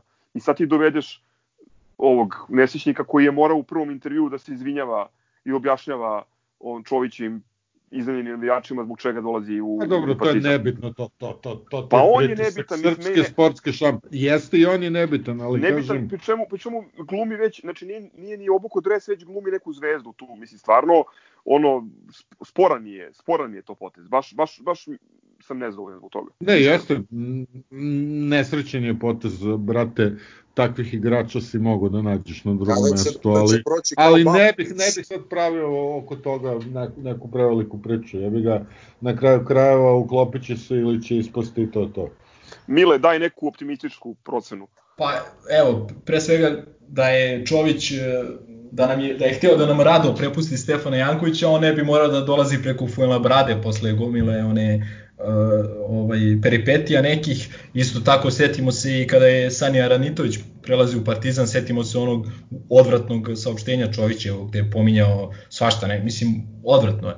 Tako da nikad ja ne bih podcenjivao tu Čovićevu opsednost, opsednutost. Ovaj isto tako treba pomenuti da je e, da je zvao i Pejđa da pređe e, Izvini, njih ovo je, ove ovo sezone. je, ovo je ostojna opsednutost, odnosno njegov odgovor na odlazak Vogena, a za Čovića si u pravu, naravno. Pa znaš šta, Mislim, možda jeste, ali isto tako ja sam čuo od ljudi kojima verujem da je bio iz Čepina s želja. Mislim, e, to funkcioniše ovako, znači košarkaški menadžeri ti ponude po 4-5 igrača, ako čuju tražiš recimo na igrača na poziciji re- rezervne trojke ili prvog playmakera.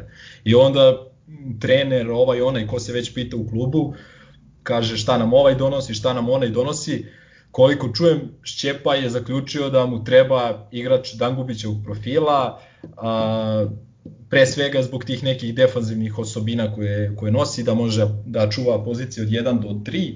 Slažem se da nema šta da sa ovakvim šutem da, da radi na poziciji 4, ali isto tako on je, e, on je zamena za Žanisa Penersa, koji, složit ćete se, nije doneo ništa, malte ne. Tako da, jedino što je, to jest, sporno je dosta toga što se tiče Dangubića i taj šut i istorija njegova CV, ali isto tako je sporno i što je sklon povredama. Po meni on ima prostora za napredak, on može da bude bolji igrač nego što je sada i dalje u tim nekim godinama i ne bi se složio s tobom da je da je loš za slačionicu. Uh, jednostavno tu je tu ima dosta igrača koji su igrali sa njim u Megi, tu je Zagorac, Jaramaz, Janković, oni su svi drugari, ortaci i ja mislim da su oni da je njima svima drago što je on zapravo došao tu. Dobro, dobro, ovdje je pitanje samo koliko, koliko je on plaćen uopšte? Je li plaćen puno ili je plaćen ono, ajde, da, da Pa, možemo progutati. Kre, krenula su neka lupetanja za koja su se ispostavilo da su lupetanja kao što smo mogli pretpostaviti od tih nekih 400.000 dolara, evra, ne znam, godišnje, to nema šanse, to nema šanse. Znači, Genijal. Ljudi, ljudi, op, opet čitate portale, to nije Mislim, dobro za zdravlje. količina, količina love ti je odgovor da sve. Ako smo ga platili nešto ono, neki kusur i Sony PlayStation, onda ajde, koga jebe, nek popunjava broj. Ako Koliko- je nešto puno plaćen, to je već problem, da. koliko ja znam, manje je plaćen od Painersa, tako da, eto. Ok, E, ok, a, a on, ono što bih još rekao, ne treba preveličavati ovaj, Limarevu, Limarevu ulogu u tome, ja ne mislim da ga on doveo kao neku odmazdu, pošto on je, on je jednostavno čovjek, kako, kako da kažem, on je član glavnog odbora ili izvršnog ili kokurca Srpske napredne stranke, on je neki fikus i sasvim sigurno se on nije uskurčio da tera neki kurac Čoviću, nego je prosto ono aminovao nešto što je vlada rekao, to je neka moja, moja projekcija od svega toga. I samo bi se složio, samo bi se složio sa Gazom uh, da nam uh, pod hitno treba dobar šuter, zato što imamo samo jednog plus šutera, uh, kako bi ja to rekao, dakle igrača u čiji šut možeš apsolutno da se pouzdaš, a to je a to je Marcus Page. Znači apsolutno nam treba bolji šuter, da li da li na kraju krajeva i centar sa sa nekim sa nekim ovaj pouzdanim šutem za 3 poena, jednostavno ova ekipa ima premalo toga. ali o tome možemo u nekoj od narednih epizoda i ja mislim da nam od tema ostaje ovaj žreb za Ne, Euro. samo, Da, da, samo, že- samo da repliciram, Nemanji ne bi se složio, ovaj, tu se slažem s Duletom, misli da je to malo e, seljačka ta koja je povukla Marlija, brate, da, da, da povuče ovog Dangubića, a, ne bi se složio da je od tih silnih igrača na raspolaganju baš taj Dangubić koji meni izgleda onako prespešan bi Da, tip. taj bre ljudi, pa, precenjujete. mislim da tu ima Ja toga, mislim- znaš, a ne, čisto Ja da ne mislim da bude sad, precenjujete, kako- precenjujete pošumljenog, to je to. Baš Nije ni bitno. Nije precenjujemo, podcenjujemo, brate, ako ti to radiš samo iz inata, onda je to, brate, ono, debilno, razumeš, ono, dovodiš Ne, igrača, jeste, ali, ali mislim da ga precenjuješ da je uopšte krenuo u tako nešto. O tome. Um, Euro, Eurocup, uh, da, ovo, ovo preti da postane povratnički podcast koji je najduži, ono, od kad smo počeli da radimo, ajde da, da pređemo brzo i preko te ovaj, grupe Eurocupa, mada ta grupa slabija A deo gde pričamo šta smo radili na letovanju, mislim, ovo mora bar 4 sata traje. Kako To- misliš, kako misliš brzo da pređemo? to, to ćeš da napišeš u sastavu ovaj, za, za kako sam školu. proveo letnje raspust. Da. A, ne, ova grupa, hoću da kažem, deluje kao e, ono, slabija evroligaška grupa u onom starom formatu. I od svih onih silnih gađanja smo uspeli da, eto, Miletu se ispunila želja da e, ne vidi Barcelonu, odnosno Badalonu, pošto je Juventud iz drugog šešira. Ne, mene, mene je opet ono neviđeno iznervirala, tu moram da kažem, e, cela ta priča sa Žebom i sa i sa ovaj, e, Ćupovima. Boris Banja Luka je uradio sjajan posao, ali opet tu je bilo nekih ne, nerealnih iznenađenja tipa um, Prometeas u prvom. prom, dobro, to smo znali da će biti u prvom, ali budućnost koja je u drugom uh, koja je u drugom šeširu i, i onda imaš kao rezultat da, a, a Lijet Kabelis. Lijet Kabelis u trećem, treći. u trećem, da. I onda imaš, u, imaš ono kao e, ishod Partizan ima u grupi e, Unix mrtvi koji ono od koga ne možemo da da pobegnemo e, istorijski ponovno susret sa sa Juventudom e, opet Veneciju koja je, koju smo prošle godine dobili kao prvaka Italije iz petog šešira Šestog. E, Šestog. pardon, šestog, da, da, da, sad su bili u četvrtom. E, onda ovaj nesrećni ba- baš, baš, baš Šehir koji je jedini tu zapravo outsider i Burž e, gde igra Andjušić ko, za koji sam čuo da je zapravo po ulaganjima i, i ono formiranju ekipe da je dosta ozbiljniji od ovih ostalih klubova iz, iz, iz tog poslednjeg šešira. A onda pogledaš ovu, sus, ovu grupu gde je budućnost, gde osim Alage su sve neki rekreativci. E, Rišon, Breša mrtva koja ne može dati 40 pojena na utakmici, Ulm raspa, raspadnuti i ovaj Metropolitans, e, odnosno to je bivši a, kako se zove, bože, Milenko, posjeti me. Metropolitans je Bulonje, je li tako? Pa da, Bulon. e, Pa dobro ljudi, valjda cilj da gledamo, ovo. da gledamo atraktivne protivnike, a ne burži šta? Ja sam, ja sam mišljenja da je to ok imati bolju, jaču prvu grupu da bi ti ova sledeća bila, bila Jeste, ako taktiziraš, u pravu si. Jer onda to znači da, ajde, e, lakše prolaziš i da računaš da ćeš izbeći onda do, do igravanja kasnije Veneciju koja je zadržala Deja i, i vidim da, da će opet imati ozbiljnu ekipu i koja ima po meni ono najboljeg trenera Da. u, u, ovaj, u takmičenju. Po mom mišljenju, od naše grupe jače je C ovaj, grupa, a ove grupe B i D su zaista, zaista smešne. A, ja sam priželjkivao i Unix, ako ja ne znam da se sećate, ovaj, mislim da tu imamo neke neraščićene račune, mada pitanje da će biti sezone, da možda opet ostanemo bez tih ovaj, utakmica sa, sa Unixom. Izvini, ali čuo si da Unix opet ulu- ulupao neke nenormalne Jest. pare. I ne znam Jeste. odakle im taj novac. Mislim, to je ono ekipa koju gleda 14 ljudi i, i, i ono Kamila, razumeš? Ne znam, stvarno mi nije jasno odakle im taj novac i gde je logika. Ko zna, ko zna, ali produžili su ovog trenera Priftisa, produžili su Mekoluma koji je bio najbolji strelac, čini mi se Evrokupa, i ovog Jamara Smitha, doveli su dobre igrače, do, recimo oteli su Panathinaikosu Jordana Morgana, jednog od najboljih centara iz Turske i Johna Browna, centra, centra iz, iz Italije. Uh, biće ono standardno standardno dobri, ali isto tako i Lokomotiva je uložila ogromne pare prošle sezone. Mislili smo svi, ja mislim da, da će da će biti prvi u našoj grupi, pa su na kraju ispali. Tako da ko zna. Ovaj a, što se tiče što se tiče ostalih ekipa, Juventud pravi jako zanimljivu ekipu. Otišao im je najbolji strelac i najbolji igrač Klemen Prepelić. Uh, I otišlo je neko pomoćno osoblje, Omić, Stević, Kanter, to jest nije čak ni toliko pomoćno osoblje, oni bili su bitni Jao, igrači. Oliver Stević je igrao za... Da, da, da. Gospode E, Bože. ali, ali, ali dovode dobre igrače. Uh, Do, došao je Pau Ribas uh, kao legenda kluba, došao iz Barcelone i, i dalje je u dobrom stanju. Pominje se Ante Tomić, uh, koji, ne znam, dosta dugo živi u Barceloni pa ne želi da, da se seli. Da se seli. Da, da, ovaj, a već u tim nekim poznim igračkim godinama.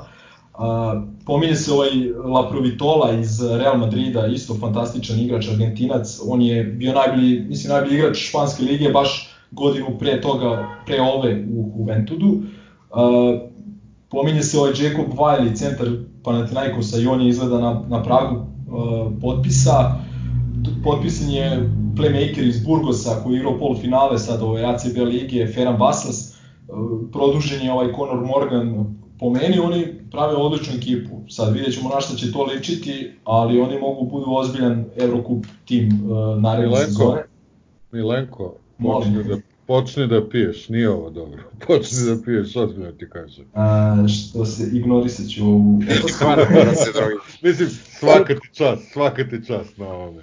Kup Ne, ne. Katarina Živković. Zna, znate, znate da, da temeljno jako ovaj, pristupam svemu što, što ima veze sa košarkom i što ima veze s Partizanom. Ajmo dalje.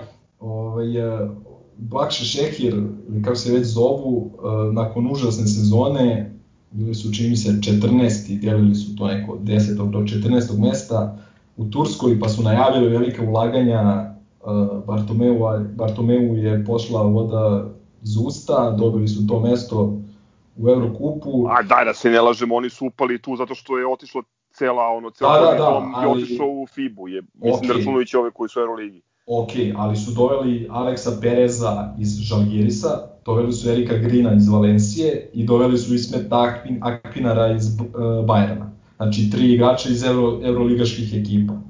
Znači, složit ćeš se da su tu neke pare u opticaju, znači ni- nisu, nisu baš... Nemaju, ne, ne, ne brinem ja za njih, nemaju oni problem ovaj, poznajući strukturu tamo vlasništva i ko, ko ima ut- uticaj u tom klubu, ali hoću da kažem da oni su za mene, da vidim da su doveli, sad vidim da su doveli osam, boga mi, novih igrača. ozbiljni igrači, ozbiljne imena su doveli evroligaške igrače i nisu uopšte za pocenjivanje, a za mislim, možda si malo bio uh, ovaj, uh, pre, što se tiče Burga, uh, ne bi se složio tu s tobom. Uh, mislim da su oni ako se ne znam šta ne desi umeđu vremenu i ne dovedu ne znam koga. Znači, sve ovo, sve ovo što pričamo, pričamo sa nekim uh, ovaj, uh, kako se zove... Pa sa velikom rezervom, jer Yes, yes, sve, sve, da ekipe, sve ekipe su u formiranju tek. Jest. Znaš šta me je, sad- sam se setio šta me je zapravo ovaj, najviše nasmejalo kod ovog eh, Bakče Šehira, zbog čega sam bio u fazonu da, da, da su smešni. Eh, dva igrača koji su nama poznati ovaj, iz raznih ono faza eh, takmičenja, onaj Josh Owens, ako ga se sećaš, Dobro, da, da. on i eh, tu je i onaj Jamal Jones. E, a nije, nije, to, nije to taj. Jamal Jones igrao za Paok. I ja, jeste, jeste. Ja, ja sam mislio da ti misliš na ovog eh, Jaroda Jonesa. Ne, ne, ne, ne, ne, Da, da, da. ne, ne onaj buljavi što je reprezentativac Mađarske ili šta je već. Što uvek igra protiv nas. Protiv nas, da, za Monako i za ne znam, za, ne, ne ovo onaj što je bio, Za to, što da počneš da piješ. Još, Pusti mi reći. Još. Gaza, počni da piješ. još, zar još. Izvini Mile, Burž, ajde, znam da je Andjušić tamo i da su, uh, i da je trener onaj uh, Ćale Mirotićev. Jeste, uh, Savo Vučević. Ovaj, a kako se zove, nije Mirotić Ivo Vučević. Pored ne- A- možda, možda jeste, ali da ni, da ni sam E. to ne znam. A koliko ćeš, se, koliko ćeš se tek nasmijati sada kad ti kažem da je naš stari ljubimac Frežus Zerbo tamo. Zezeš, Odmah ti kažem. Zerbo, Zerbane. Znači, najnetalentovaniji vjerojatno igrač u istoriji košarke. Jedini, jedini, jedini centar od koga čak ni magični Duško Vujošević nije uspio da napravi košarkaša. Da. E, tamo je i Ognjen Čarapić, isto jedan naš, naš grobar, ovaj, klinac iz, iz Mege. E, a prošle sezone je igrao e, ovaj, Patkica Wilson tamo, isto, isto naš bivši igrač. Tako da, Koji ima trenutno koliko? 48 godina. pa zvanično. ovaj, a inače, Legenda jedan- finske košarke. Da, i otišao u Finsku, vratio se. Verovatno planira da privodi kraj igračku karijeru. A, ja ovde, mislim, tu je i Zek Wright, isto 36-godišnji reprezentativac Bosne i Hercegovine, koga isto dobro poznajemo.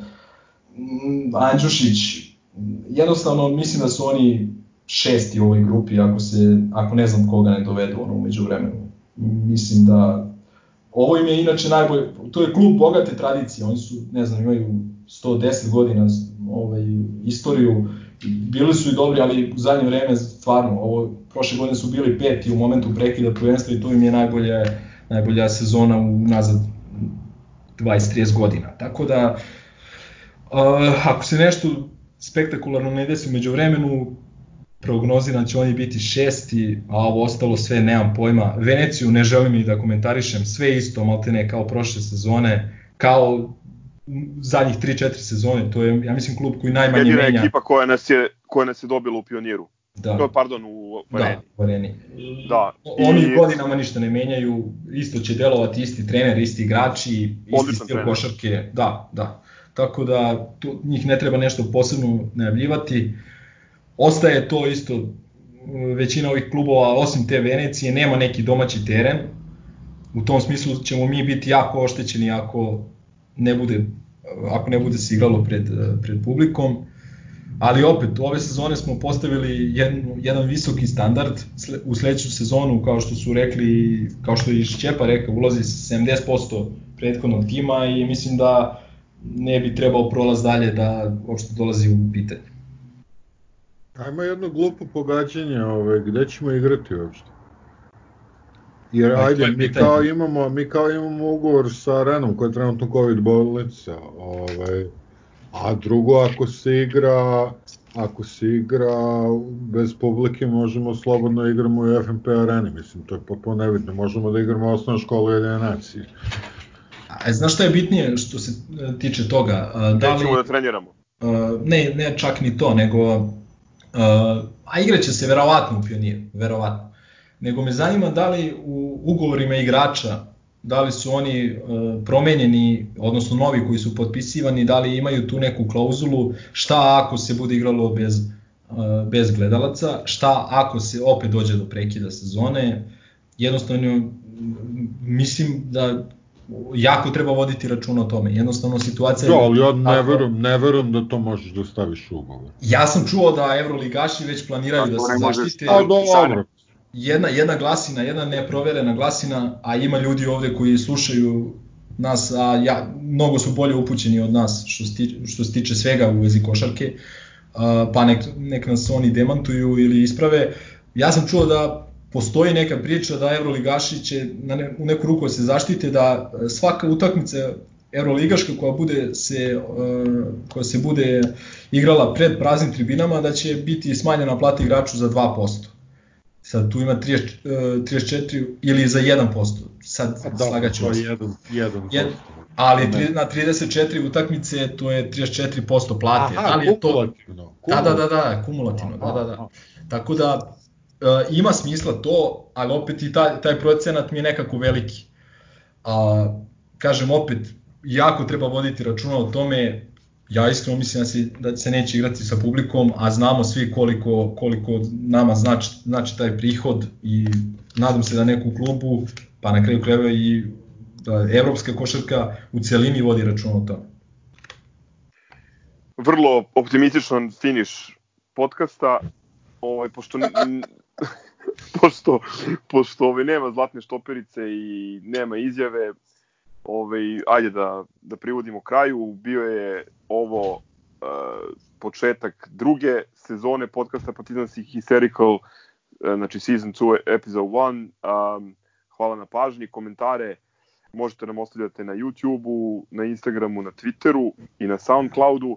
Uh, jedna stvar koju smo uspeli da uradimo u ovoj pauzi je da se pojavimo i na domaćoj platformi Podcast RS, tako da nas možete slušati i preko te platforme a možete ovaj da pogledate i neke druge podcaste koji su zanimljivi, a nalaze se na istom mestu.